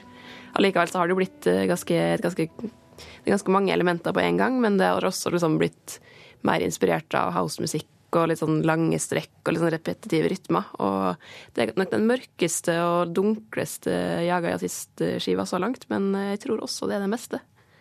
Og for de som vil oppleve Jaga Jazzist i levende livet i løpet av sommeren, så, så er det høve for det? Ja, de spiller tre konserter i Norge i sommer. De spiller på Slottsfjellfestivalen i Tønsberg, på Øyafestivalen i Oslo og på Rakettnatt i Tromsø. Skal du få med deg noe? Det skal jeg. skal i hvert fall se på Øyafestivalen. Det gleder jeg meg veldig til. De er alltid, alltid bra live. Takk skal du ha for at du kom i studio, Trine Åndal, musikkjournalist i P3. Det kalde sommerværet flere steder gjør at mange nå søker innendørs aktiviteter. Flere aktivitetssenter melder om flere besøkende så langt i sommer, sammenlignet med fjorårets varme sommer. Familien Eitun er mellom de som har valgt å ta turen til vannkanten innendørs badeland i Loddefjord i Bergen i sommerkulda, men det var ikke førstevalget. Fordi vi ville feire bursdagen min her. Erle Eitun fra Sogndal fyller åtte år og har tatt med seg mor, far og to søstre til badeland. Vannkanten badeland har mange besøkende, men et innendørsbasseng var ikke førsteprioriteten til familien Eitun, sier far Arne. Vi hadde planer om å bade ute i dag hvis det var sånn noenlunde vær. da, På Kyrkjetangen eller uh, ute i Eidsvåg. Men uh, det ble litt kaldt, var ikke det? Ja. Ja, Da valgte vi vannkanten. Og nettopp det er det mange som gjør, sier Mette Tormodsen, daglig leder i Vannkanten. I juni måned har vi hatt over 15 000. Mot i fjor var det 11 000, altså 4000 mer besøkende i år enn i fjor. Fra 9. juli og ut hele juli så var jo det strålende vær med 30 grader ute. Så vi hadde kun ca. 300 badegjester hver dag. Ja, altså 700 badegjester. Det er en god dag. Denne tirsdagen som var denne uken hadde vi 1000 badegjester, så det var en meget god dag for oss. Men Tormodsen og Vannkanten er ikke alene om å huse folk i sommerkulda i Bergen. Også vil Vitesenteret merke at folk oppsøker aktiviteter som kan foretas innendørs. Nå i mai var vi 10% opp, i juni var vi ca. 15% opp, og nå i starten på juli ser det ut til at vi ligger faktisk 25 opp i forhold til fjoråret. Det sier Svein Anders Dahl, administrerende direktør i Vill Vite. Samme opplevelse har Eimund Taraldsen i Leos lekeland. I Bergen, da, som, som det er snakk om i dette tilfellet, men også generelt på på landsbasis på alle lokasjoner våre, så merker vi økning i år i forhold til i fjor. Begge sier at dårlig vær med kalde temperaturer gir gode besøkstall. På dager med, med 25 grader og sol på sommeren, så, så er det veldig rolig på, på Leos lekeland. Og, og, kommer det litt regn og, og temperaturen synker litt, så, så, er det full fart med en gang. Privat kan jeg glede meg over godt vær, og profesjonelt kan jeg glede meg over dårlig vær. Og, eh, for Vil Vites del så er dårlig vær eh, godt nytt. Tilbake på vannkanten så feirer Erle åtteårsdagen med å plaske i bassenget med litt mer behagelige temperaturer enn i fjorden like utenfor. Åtte år betyr at hun er gammel nok til å ta den lengste sklia. Men jeg vet ikke om jeg skal ta den eller ikke. Men med litt overtalelse fra mor og far, så kommer Erle seg ned sklia. Gikk det fint? Ja. Var det gøy? Ja. Hva var det som var gøy med den, da? At den var så svingete. Reporter Henrik Agledal. Vi skal se på hva avisene skriver i dag. Små selskap fant olje der Statoil gav opp, skriver Dagens Næringsliv. Nå kan området syne seg å inneholde et av de største oljefunnene i Norge de siste åra. Oljekrisa råker de ansatte sin sparegris, skriver Bergens Tidende. Det merker bl.a. Statoil-ansatte som har kjøpt aksjer i eget firma. Eksperter advarer mot å investere i eget selskap, eller i selskapet der en jobber. Brått kan en stå igjen uten jobb eller spare pensjon. Kirsti Birgitte Forsberg er den første i verden som får ny behandling for den svært alvorlige nervesykdommen ALS, forteller Aftenposten. Nå drar 46-åringen til Moskva for å få den nye stamcellebehandlinga som ingen andre har fått før. En avdelingsleder i Felleskjøpet er dømt for grov korrupsjon i lagmannsretten. Han let seg bestikke med en båtmotor til en halv million kroner. Nå må både han og mannen som ga båtmotoren sone i fengsel, skriver Finansavisen. Demokratiet i Hellas er sett ut av spill, sier professor og statsviter Øyvind Østerud til Klassekampen. Han mener EU har svikta, og at det beste ville være å hjelpe Hellas ut av eurosona. Endelig lykke, skriver Dagbladet om Knut Arild Hareide og kona Lisa Maria. I sommerintervjuet forteller Hareide bl.a. om støtte fra partikollega og tidligere statsminister Kjell Magne Bondevik. Bønder kjører dobbelt så langt som for 15 år siden, ifølge Nasjonen. Jo mer leiejord, jo mer øker avstandene for å frakte gras og gjødsel. Nå foreslår en fagdirektør i Landbruksdirektoratet å opprette en børs for enklere kjøp og salg av matjord. Vårt Land har møtt ei romkvinne som tigger i den eneste kommunen i landet med tiggeforbud. Vi er de eneste fordi ingen andre tør, sier ordføreren i Lillesand. Nær ei av fem kvinner har opplevd uønska seksuell merksemd av fulle kollegaer på jobbfest, skriver Dagsavisen. Nå vil Aktis, som er samarbeidsorganisasjon for rusfeltet, ha LO og NHO på banen.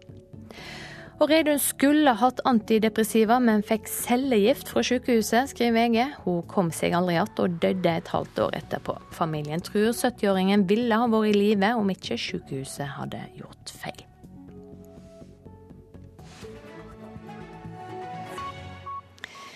Vi skal ha sport, og det skal handle om Tour de France. På lagtempoen under den niende etappen i går gav Alexander Kristoff alt han hadde for lagkamerat Joaquin Rodriguez, som ligger bedre an i sammendraget.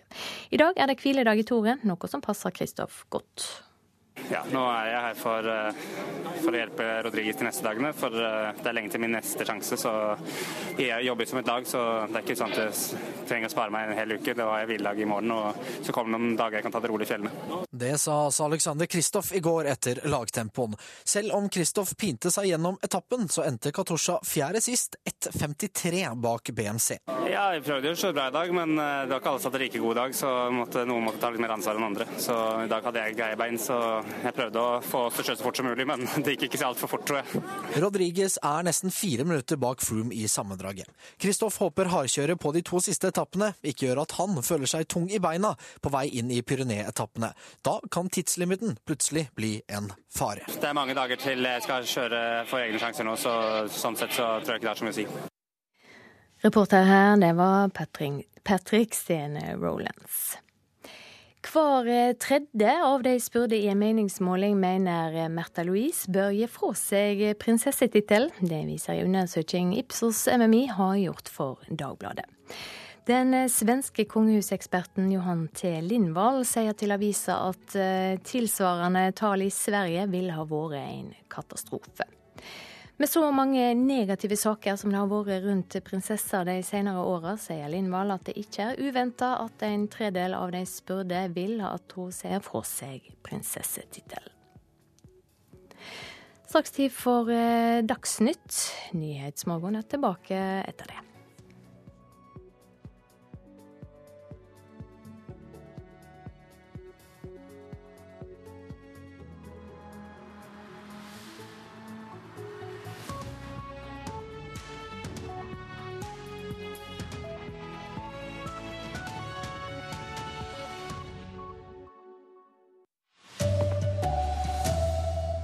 Møtene i Brussel trekker ut. Eurolandene diskuterer fortsatt en Hellas-avtale. Og avtalen mellom regjeringen i Colombia og FARC-geriljaen er svært viktig, mener utenriksministeren. Her er NRK Dagsnytt klokka 8.30. Topplederne i eurogruppen sitter fremdeles sammen for å drøfte et utkast til en låneavtale med Hellas. Hellas, Tyskland og Frankrike ble i natt enige om en skisse til et kompromiss som de 19 eurolandene nå drøfter, og det er fortsatt uenighet om noen punkter. Men dersom det blir en avtale i Brussel, er det slett ikke sikkert at greske politikere kommer til å følge opp, sier reporter Jan Espen Kruse i Aten. Nei, Det er veldig eh, omstridt akkurat dette her. Eh, dette greske parlamentet er jo kjent for å jobbe ganske sakte. Dessuten så er det et slags opprør på gang innad i regjeringspartiet Syriza. Og eh, Det er snakk om en 17 parlamentsmedlemmer som ikke vil eh, følge regjeringens eh, linje i dette spørsmålet. De mener at man fortsatt må kjempe for Hellas sine interesser og ikke gå med på alle kravene fra EU. Så Det vil nok overraske ganske mange hvis disse, disse omfattende lovendringene som det er snakk om her, skal kunne bli vedtatt innen onsdag. Det sa Jan Espen Kruse, som er i Aten.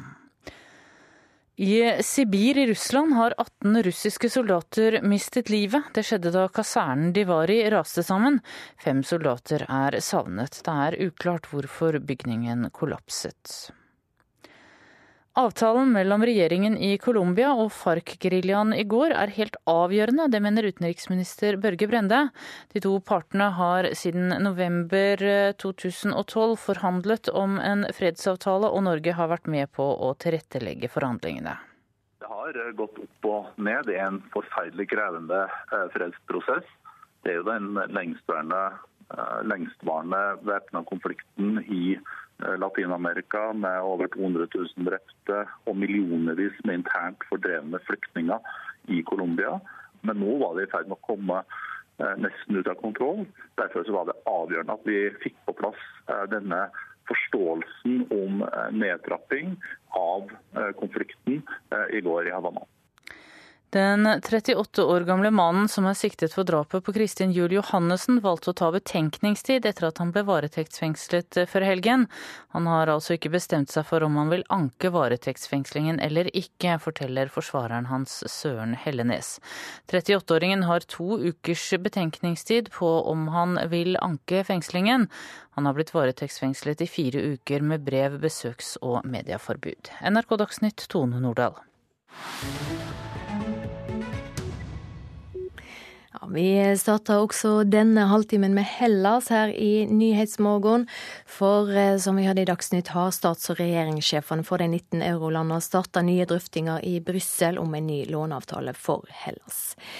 I natt kom Hellas, Tyskland og Frankrike fram til ei skisse til et kompromiss, men ennå er det usemje om flere punkt, sier europakorrespondent Åse Marit Befring. Ja, Det er jo veldig strenge krav som kreditorene har fremsatt eh, for at Hellas skal få lov til å forhandle om en tredje lånepakke. Altså, De vil ha veldig mye på bordet før de kommer dit. Men de ønsker jo å få først denne avtalen her i havn. Og det ser nå ut til at det går mot en enighet der man har oppnådd et kompromiss om hva som skal til for å innlede disse forhandlingene med Hellas. Eh, og det er ikke hele eurosonens ledere, alle de 19 lederne som har sittet rundt bordet når man nå nå har jobbet med dette kompromisset. Det er altså EU-presidenten eh, e eh, Donald Tusk som er leder for dette møtet. Så er det Angela Merkel, Francois Hollande og i tillegg da Alexis Tsipras, den greske statsministeren.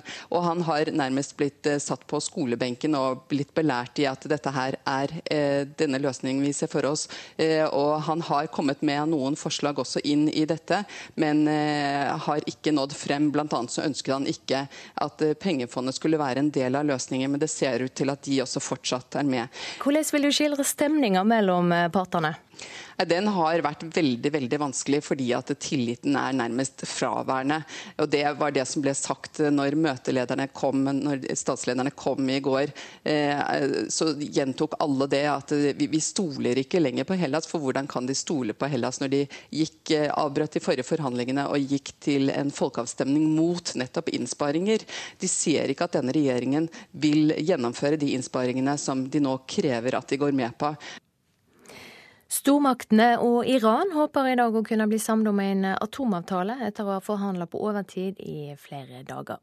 Talspersoner fra USA og Iran sa forrige uke at partene er nærere en avtale enn noen gang, men de siste dagene er det kommet negative signal. Og korrespondent Kristin Solberg i Istanbul, hvordan er utsiktene til å få til en avtale i Wien i dag? Ja, Anonyme kilder sier til nyhets nyhetsbyrået AP at en avtale kan komme til å komme i dag. og Det er det mest positive signalet vi har hatt i forhandlingene hittil. At en avtale kan være rett rundt hjørnet. Og mens det var tøffe ord før helgen, da truet både USA og EU med å trekke seg hvis det ikke ble noen fremgang snart, så er tonen fra i Wien de siste 24 timene igjen håpefull. John Kerry sa i går at han var håpefull, og nå eh, ble det noen ordentlige beslutninger som, som var tatt. Om avtalen kommer kommer i dag eller ikke, det er ikke lett å si. Partene har hittil brutt tre offisielle og én viktig, men uoffisiell tidsfrist. Så det er ikke godt å si om de kommer til å bruke, bryte denne fristen som går ut i dag eller ei. Men som sagt er tonen fra Wien positiv nå.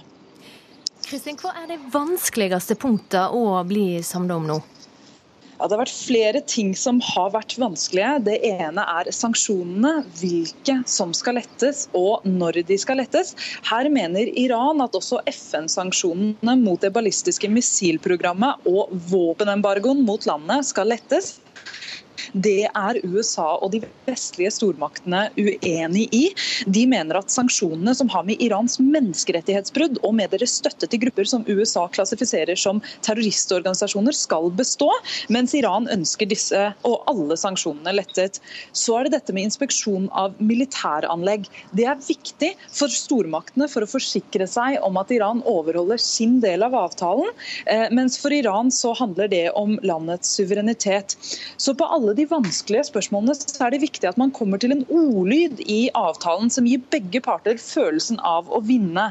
Fordi begge parter har jo sterk motstand på hjemmebane, og motstanderne kommer til å kaste seg over eh, det de mener er ethvert et tvilsomt ord i dette dokumentet. Du er akkurat tilbake fra en reise i Iran. Hva betyr det for iranerne å få på plass denne atomavtalen som en har forhandla om i til sammen tolv år? Ja, Det betyr svært, svært mye, og mange iranere håper på denne avtalen. Fordi sanksjonene har rammet iranerne svært hardt. Det har altså ikke bare rammet regjeringen, slik USA har hevdet, men det har rammet vanlige folk og deres økonomi. Inflasjonen er høy, og kjøpekraften er gått kraftig ned. Eh, dessuten så har sanksjonene hatt alvorlige konsekvenser på, på andre områder, bl.a. på det medisinske. Eh, selv om sanksjonene ikke direkte har rammet import av medisiner, så har det indirekte eh, rammet det området. og det har vært vanskelig å få tak i importerte medisiner for alvorlige sykdommer som f.eks. kreft. I tillegg så håper mange iranere at denne avtalen skal være begynnelsen på slutten av den internasjonale isolasjonen som Iran har befunnet seg i i flere tiår. Takk skal du ha for at du var med, korrespondent Kristin Solberg. Folk flest er flinke til å følge de nye reglene om bruk av redningsvest. Det syner tall fra Politidirektoratet. I Hordaland er det bare skrevet ut én bot for manglende bruk av redningsvest i mai og juni. Også på landsbasis er tallene lave. Så skal vi starte båten. På Gjellestad i Bergen er Elisabeth Ludvigsen på vei ut på båttur sammen med nivøen Øyvind. En, to, tre. De to har begge redningsvest på seg. Påbudet om bruk av redningsvest i båter under åtte meter kom 1. mai i år. Og så langt har politiet gitt ut få forelegg for manglende bruk av vest. Det sier Ole Petter Parnemann i Politidirektoratet så eh, skal det være kontrollert i overkant av 2000 fritidsfartøyer. Og av disse så er det 68 saker der eh, det er reagert. Og han sier politiet opplever at folk er flinke til å huske vesten. Politiets generelle inntrykk er vel at eh, folk flest følger pålegget om bruk av vest og flytemidler. Bruker du redningsvest? Ja. Nei, jeg er nok ikke så flink som jeg burde. Det gjør jeg. Alltid. Stort sett har jeg brukt det når jeg har vært i liten båt. Ja, pleier det. Selv om folk er flinke til å bruke redningsvest, er Parnemann opptatt av at det er andre ting som er viktig å passe på når en er ute i båt.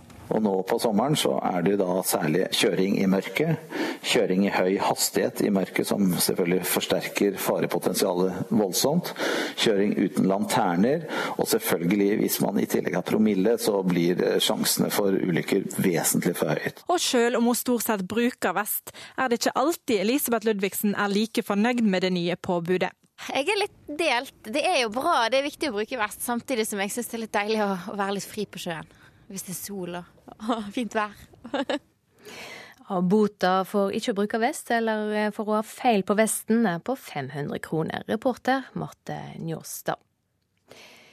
Flere enn 44 bil- og båtførere ble tatt for promillekjøring langs kysten mellom Hordaland og Østfold i helga. Bare i Agder-fylka var det 18 fyllekjørere, viser en opptelling NRK har gjort. Leder i Alkovet-organisasjonen Av og til, Kari Randen, mener det er altfor mange. Det tallet er utrolig høyt. Enten du er båtfører eller bilfører, så utsetter du både deg sjøl, men noe andre for stor fare om du er påvirka. Det er altfor mye. Vi skulle selvfølgelig ønske at det var null. Sier fungerende UP-sjef i Agder og Rogaland, Sigbjørn Rygg. Trass i at mange ble tatt for promillekjøring i helga, var det trolig enda flere som slapp unna. Det er klart Vi greier bare å kontrollere et fåtall av alle bilene som er på veien. Vi tar bare en brøkdel. Men vi har veldig fokus på dette med ruskjøring, og prøver å, å, å, ha så mange kontroller som det faktisk lar seg gjøre nå, spesielt nå på sommer, sommerstid. Kommunikasjonssjef i Redningsselskapet Frode Pedersen tror at ferie og fritid gjør at flere båtførere tar sjanser. Er det en god sommerhelg, så kan det vel være noen som overvurderer situasjonen. Når du har drukket tre pils, så tror jeg faktisk de fleste kjenner at de er påvirka, og da bør man ikke sette seg bak et båtratt i det hele tatt. Selv om det er ferie og selv om vi skal koses, så må vi være opptatt av å utvise alkovett når vi er i trafikken eller på sjøen. Reporter Sander Heggheim. Klokka er 8.42. Hovedsaker i Nyhetsmorgen. Møter i Brussel trekker ut. Eurolandene diskuterer fremdeles en Hellas-avtale. Nesten 100 000 nordmenn tar ferie på kreditt. Det kan bli veldig dyrt når det nærmer seg jul. Og straks skal vi høre at én av tre pasienter ikke forstår informasjonen de får fra helsevesenet. Dagsavisen skriver i dag at på jobbfest med alkohol har to av ti kvinner opplevd uønska seksuell oppmerksomhet. I tillegg har 7% opplevd utrygghet, trusler, trakassering eller vold på jobbarrangement. Det er rusfeltet sitt samarbeidsorgan Aktis som har gjort undersøkelser ved hjelp av TNS Gallup og generalsekretær Mina Gerhardsen. Hva er uønska seksuell oppmerksomhet? Det er, ligger i ordet. Det er nettopp at det er uønsket. Vi snakker da ikke om hyggelig jobbflørting, som mange kan sette pris på, men det som oppleves som ubehagelig, kanskje at noen går over grenser. Og det, Vi syns disse tallene er høye, fordi at dette er ikke tilfeldige møter i en bar eller en drosjekø lørdag kveld. Dette er i situasjoner hvor du er sammen med kollegaer, sammen med mennesker du skal ofte møte hver dag ellers, og som du skal være trygg på. Hva tenker du om at arbeidstakere forteller at de opplever dette på, på jobbfester? Vi synes dette bør være et varsel til arbeidslivet om å ta den, disse tingene mer på alvor. Vi vet at uh, 40% av alkoholkonsumet vårt skjer i jobbsammenheng. Også fredagspilsen og sommerfesten og den type situasjoner. Det er ment å være hyggelig, men er altså ikke hyggelig for alle. og Da må man se på hvordan disse tingene legges opp. og Det er et arbeidsgiveransvar. og Vi ønsker også å ha arbeidstakerorganisasjonene med på banen for å løfte disse sakene for å unngå at folk opplever ting de ikke skal oppleve i jobbsituasjoner. Men dette er jo snakk om voksne folk, er ikke dette hver og en sitt eget ansvar? Ikke når det skjer i jobbsammenheng. Dette er jo ofte ting i regi av arbeidsplassen. Og da er det arbeidsgivers ansvar å sørge for at det er trygt, og at det oppleves ålreit for alle. Vi vet fra andre undersøkelser også at én av tre syns det drikkes for mye. Det er uavhengig av ubehagelige hendelser. Men det handler jo nettopp om drikkepress, og at det kan virke ekskluderende for de som ikke drikker av ulike grunner. Og så øker altså dette høye alkoholkonsumet i jobbsammenheng faren for at du får slike uønskede hendelser som ønsket seksuell oppmerksomhet eller trakassering eller så alvorlige ting som vold. Ja, hva bør bedriftene gjøre da for å hindre denne typen hendinger? Vi vet fra undersøkelser Akan har gjort, at seks av ti arbeidsplasser mangler retningslinjer for alkoholbruk. Vi tror det er klokt at alle har slike retningslinjer, at de er godt kjent blant de ansatte, og at man får den diskusjonen på den enkelte arbeidsplass om når det er greit og når det ikke er greit med alkohol, og hva slags rammer det skal være rundt det. Nettopp for å unngå at det som skal være hyggelig, blir situasjoner med fyll som kan, kan gjøre at det blir ubehagelig for noen. Takk skal du ha for at du var med, Mina Gerhardsen fra Aktis. Nesten 100 000 nordmenn reiser på ferie med lånte penger, det viser en ny undersøking. Og det er flest unge under 25 år og husstander med lågere inntekter som ikke har klart å spare opp til ferien. Men regninga kan bli høy når det nærmer seg jul og nye store utgifter.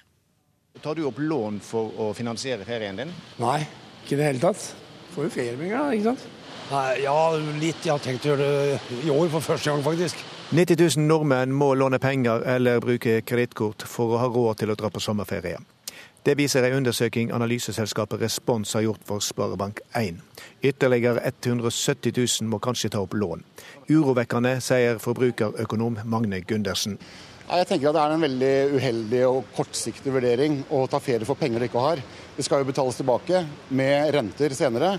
Og det er ikke noe lettere å betale tilbake til høsten eller utover vinteren. Det er nok typisk at det er unge som eh, har minst oppsparte midler, og da tar ferie på lånte penger. Og det er egentlig ganske en uheldig utvikling. at eh, når du er ung, så skal du låne penger. De har gjerne de som har eh, minst råd fra før, de har lavest inntekt, og de er minst i stand til å betjene gjelden etterpå. Ikke utsett ferien din, utsett betalinga, står det i en av reklamene for sydenreiser. Da er det veldig lett å hoppe på. Det er bare det at i det øyeblikket når seks måneder har gått og du ikke betaler, så er det full rentebelastning. Og jeg tviler på at man har noe særlig bedre råd om eh, seks måneder hvis du ikke har planlagt grundig. Han forstår at norsk regnværssommer får folk på andre tanker, og at pengespørsmålet blir løst med utsatt betaling. Jeg skjønner at det er eh, veldig fristende, men jeg har sett litt for mange tilfeller, bl.a. gjennom Luksusfellen, hvor folk føler at de fortjener å få litt eh, fri fra de daglige økonomiske problemene, men det de opplever er at de kommer hjem til enda større problemer. Fristelsen blir for stor, og så blir problemene enda større og utsette betalingen i seks måneder. Da skal du betale ferien din samtidig som du betaler for eh, juleutgiftene dine. Da får du dobbel belastning. Det er veldig kortsiktig, tenker jeg, og det fører til at du får enda større problemer senere. Og informasjonssjef Jan Gressvik i inkassoselskapet Intrum Justicia ser hvert år resultatet av kredittsommeren når det går mot jul. Og I den grad man ikke gjør opp, så ser jo vi i inkassobransjen det senere på året. Så det er nok riktig det at det er en eh, viss økning i antall eh, den type inkassokrav eh, senere på høsten. Skal du bruke kredittkort? Nei, jeg har ikke kredittkort. Så du har kontroll på økonomien? Eh, ja, til vi skal. Ellers har vi jo alltid mamma og pappa som redder ut. Reporter her Bjørn Atle Gildestad. Ny forskning syner at én av tre pasienter ikke forstår den informasjonen de får fra helsevesenet. Pasienter har problemer med å forstå både informasjonsskriv etter en operasjon og hvordan medisinen skal takkes. Det forteller førsteamanuensis Linda Stein ved UiT, det arktiske universitetet. Hun har forska på om informasjonen norske helseinstitusjoner gir til sine pasienter er forståelig. En av tre voksne hadde faktisk såpass store problemer med å forstå den informasjonen eh, at eh, det vil være Eh, eh, vanskelig for dem å få gjort det riktig, fulgt opp sånn som vi ønsker. Mange voksne pasienter forstår ikke informasjon som helsepersonell gir, som f.eks. hva ei samtykkeerklæring før en operasjon i narkose innebærer, eller hvor ofte man skal ta medisin som man har fått resept på. Førsteamanuensis i samfunnsodontologi ved UiT, Linda Stein, som har forska på dette, mener Helse-Norge kan bli flinkere til å sjekke om pasientene faktisk forstår det de blir fortalt. Vi er nok dessverre litt sløv med å sjekke om budskapet vårt faktisk har nådd frem til den aktuelle pasienten. Sånn at det må vi bli flinkere. Da må vi ta oss sjøl i nakken og bli flinkere og, eh, og forsikre oss om det. Og pasientene har rettigheter, så dette er noe som vi må eh, bruke tid på. Reportasjen var laga av Karoline Ruggeldal og Petter Strøm. Bruk av smertestillende midler i samband med trening og konkurranser i idretten breier om seg. I enkelte miljø blir slik medisin kalla maratonpiller. De fleste av oss kaller det Ibux, Ibuprofen og Diklofenak. De reseptfrie midler er langt fra ufarlige, og bruken uroer helsestyresmaktene. Jeg er på løpetur med triatlonutøver Anders Kittilsen fra Sandefjord. Han er blant dem som syns maratonløp er for kort. Jeg driver mye med, med triatlon, det er det jeg er mest eh, glad i. Og da er det fulldistanse som er eh, det jeg syns er gøy. Slik ekstremsport innebærer harde belastninger på kroppen, og det kan være fristende å ty til noen tabletter for å redusere smerte, og dermed orke mer. Anders Kittelsen kjenner til at enkelte tyr til disse ikke-steroide smerte- og betennelsesdempende midlene. Jeg vet at eh, det er noen som bruker det på å si aktivt. Hvis du har planlagt at du skal på en fem timers sykkeltur f.eks., og så vet du når du står opp om morgenen at uh, i dag har jeg litt grann vondt i knærne. Så da tar jeg kanskje to, to Ibux e til, til, kaffen, og så tar jeg med to på lomma f.eks. Hvorfor bruker ikke du det? Jeg er flink til å lytte til kroppen min, og så drikker jeg tran hver dag. Gode resultater i triatlon, ultraløp og lange skirenn er blitt status, ikke bare blant idrettsutøvere. For enkelte næringslivsfolk er dette med på å bygge en profil. Ove Haugen fra Larvik har vært næringslivsleder og deltaker i lange løp på sykkelritt gjennom mange år. Også han har sett at disse midlene brukes. Det jeg kan, eh, kan, se, det er at det ligger eh, rester, altså avfall fra, fra sånne type eh, medisiner, da, i, igjen i, i, startfeltene. Spesielt ser jeg på de litt større, lengre kraftanstrengelsene, så, så, kan du se det at det ligger, ligger noe igjen der i, i, det starten har gått. Men det er lite prat om det. Tydeligvis et tabuområde. Og medisinsk fagdirektør i Statens legemiddelverk, Steinar Madsen, sier fenomenet er utbredt. Ja da, det er et ganske velkjent fenomen. og Det er jo gjort noen vitenskapelige undersøkelser som tyder på at blant idrettsfolk så er det faktisk sted som 10-20-30% som gjør det. Så det er faktisk ganske vanlig. Hvor uh, alvorlig er det? Ja, Det kan være alvorlig hvis man, hvis man uh, gjør det feil, kan man si. Og, men ellers er jo det farligste med disse medisinene det er jo at du får, kan få mageproblemer og uh, eventuelt hjerte- og karproblemer. Reporter Kristina Støp. Og så har vi akkurat fått inn melding om at de 19 stats- og regjeringssjefene i eurosona som har forhandla om Hellas sin skjebne i natt, eh, skal ha kommet til semje. Det skriver nyhetsbyrået Reuters akkurat nå. Belgias statsminister har tvitra ett ord 'agreement'. Og det blir selvsagt mer om dette i Dagsnytt klokka ni.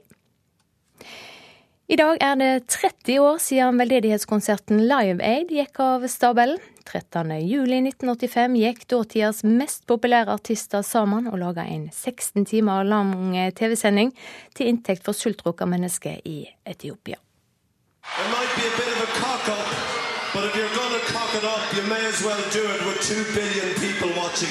well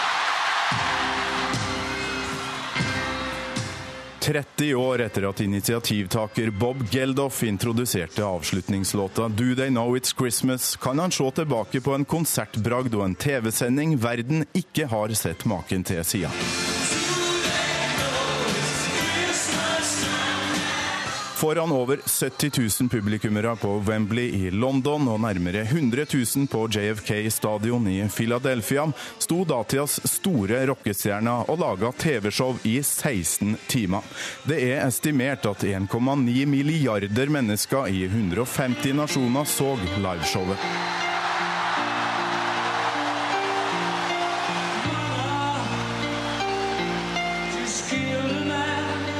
Konserten ble rene revitaliseringa for bandet Queen og vokalist Freddie Mercury.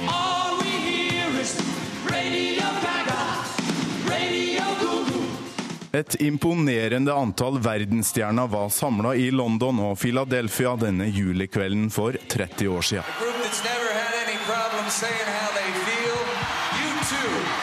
Skuespiller Jack Nicholson introduserte bl.a. U2 og vokalist Bono med hockeysveis. Også Paul McCartney deltok.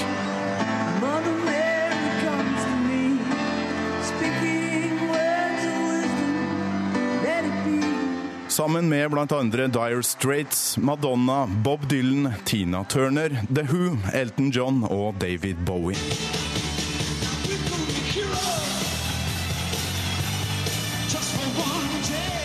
Også de gjenlevende medlemmene av Led Zeppelin kom sammen for å spille denne kvelden, med Phil Collins på trommene.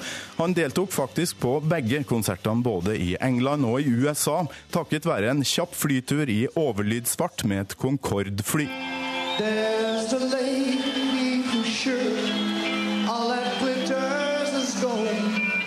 She's buying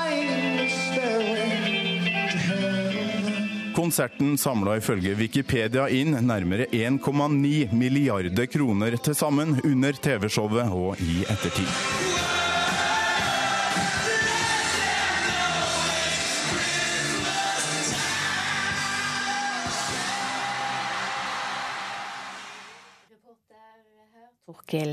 Reporter her Torkil Torsvik.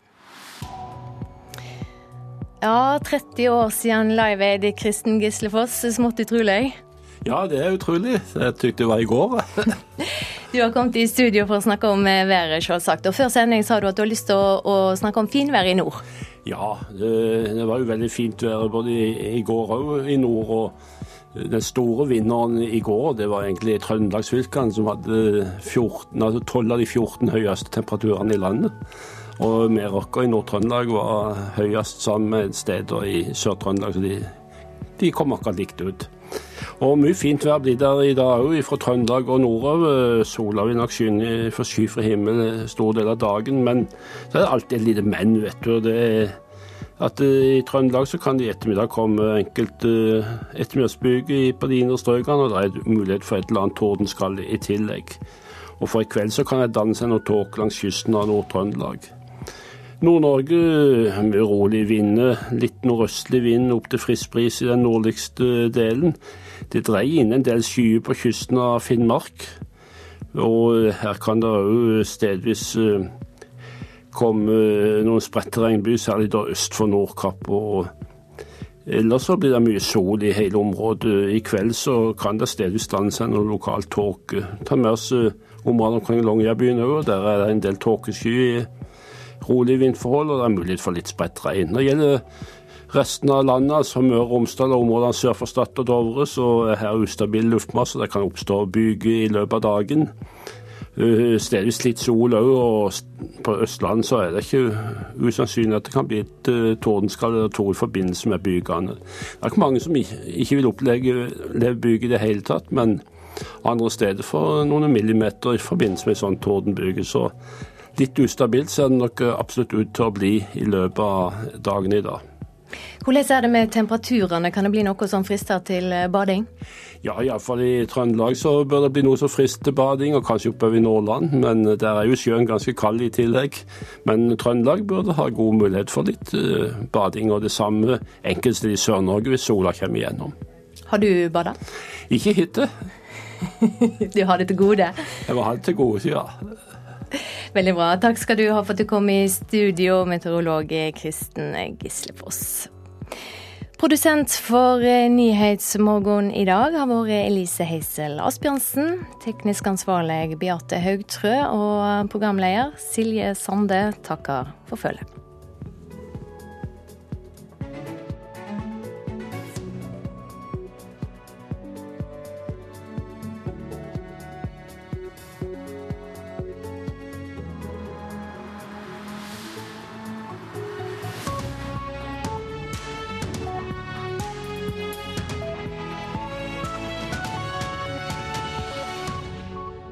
Du har hørt en podkast fra NRK P2.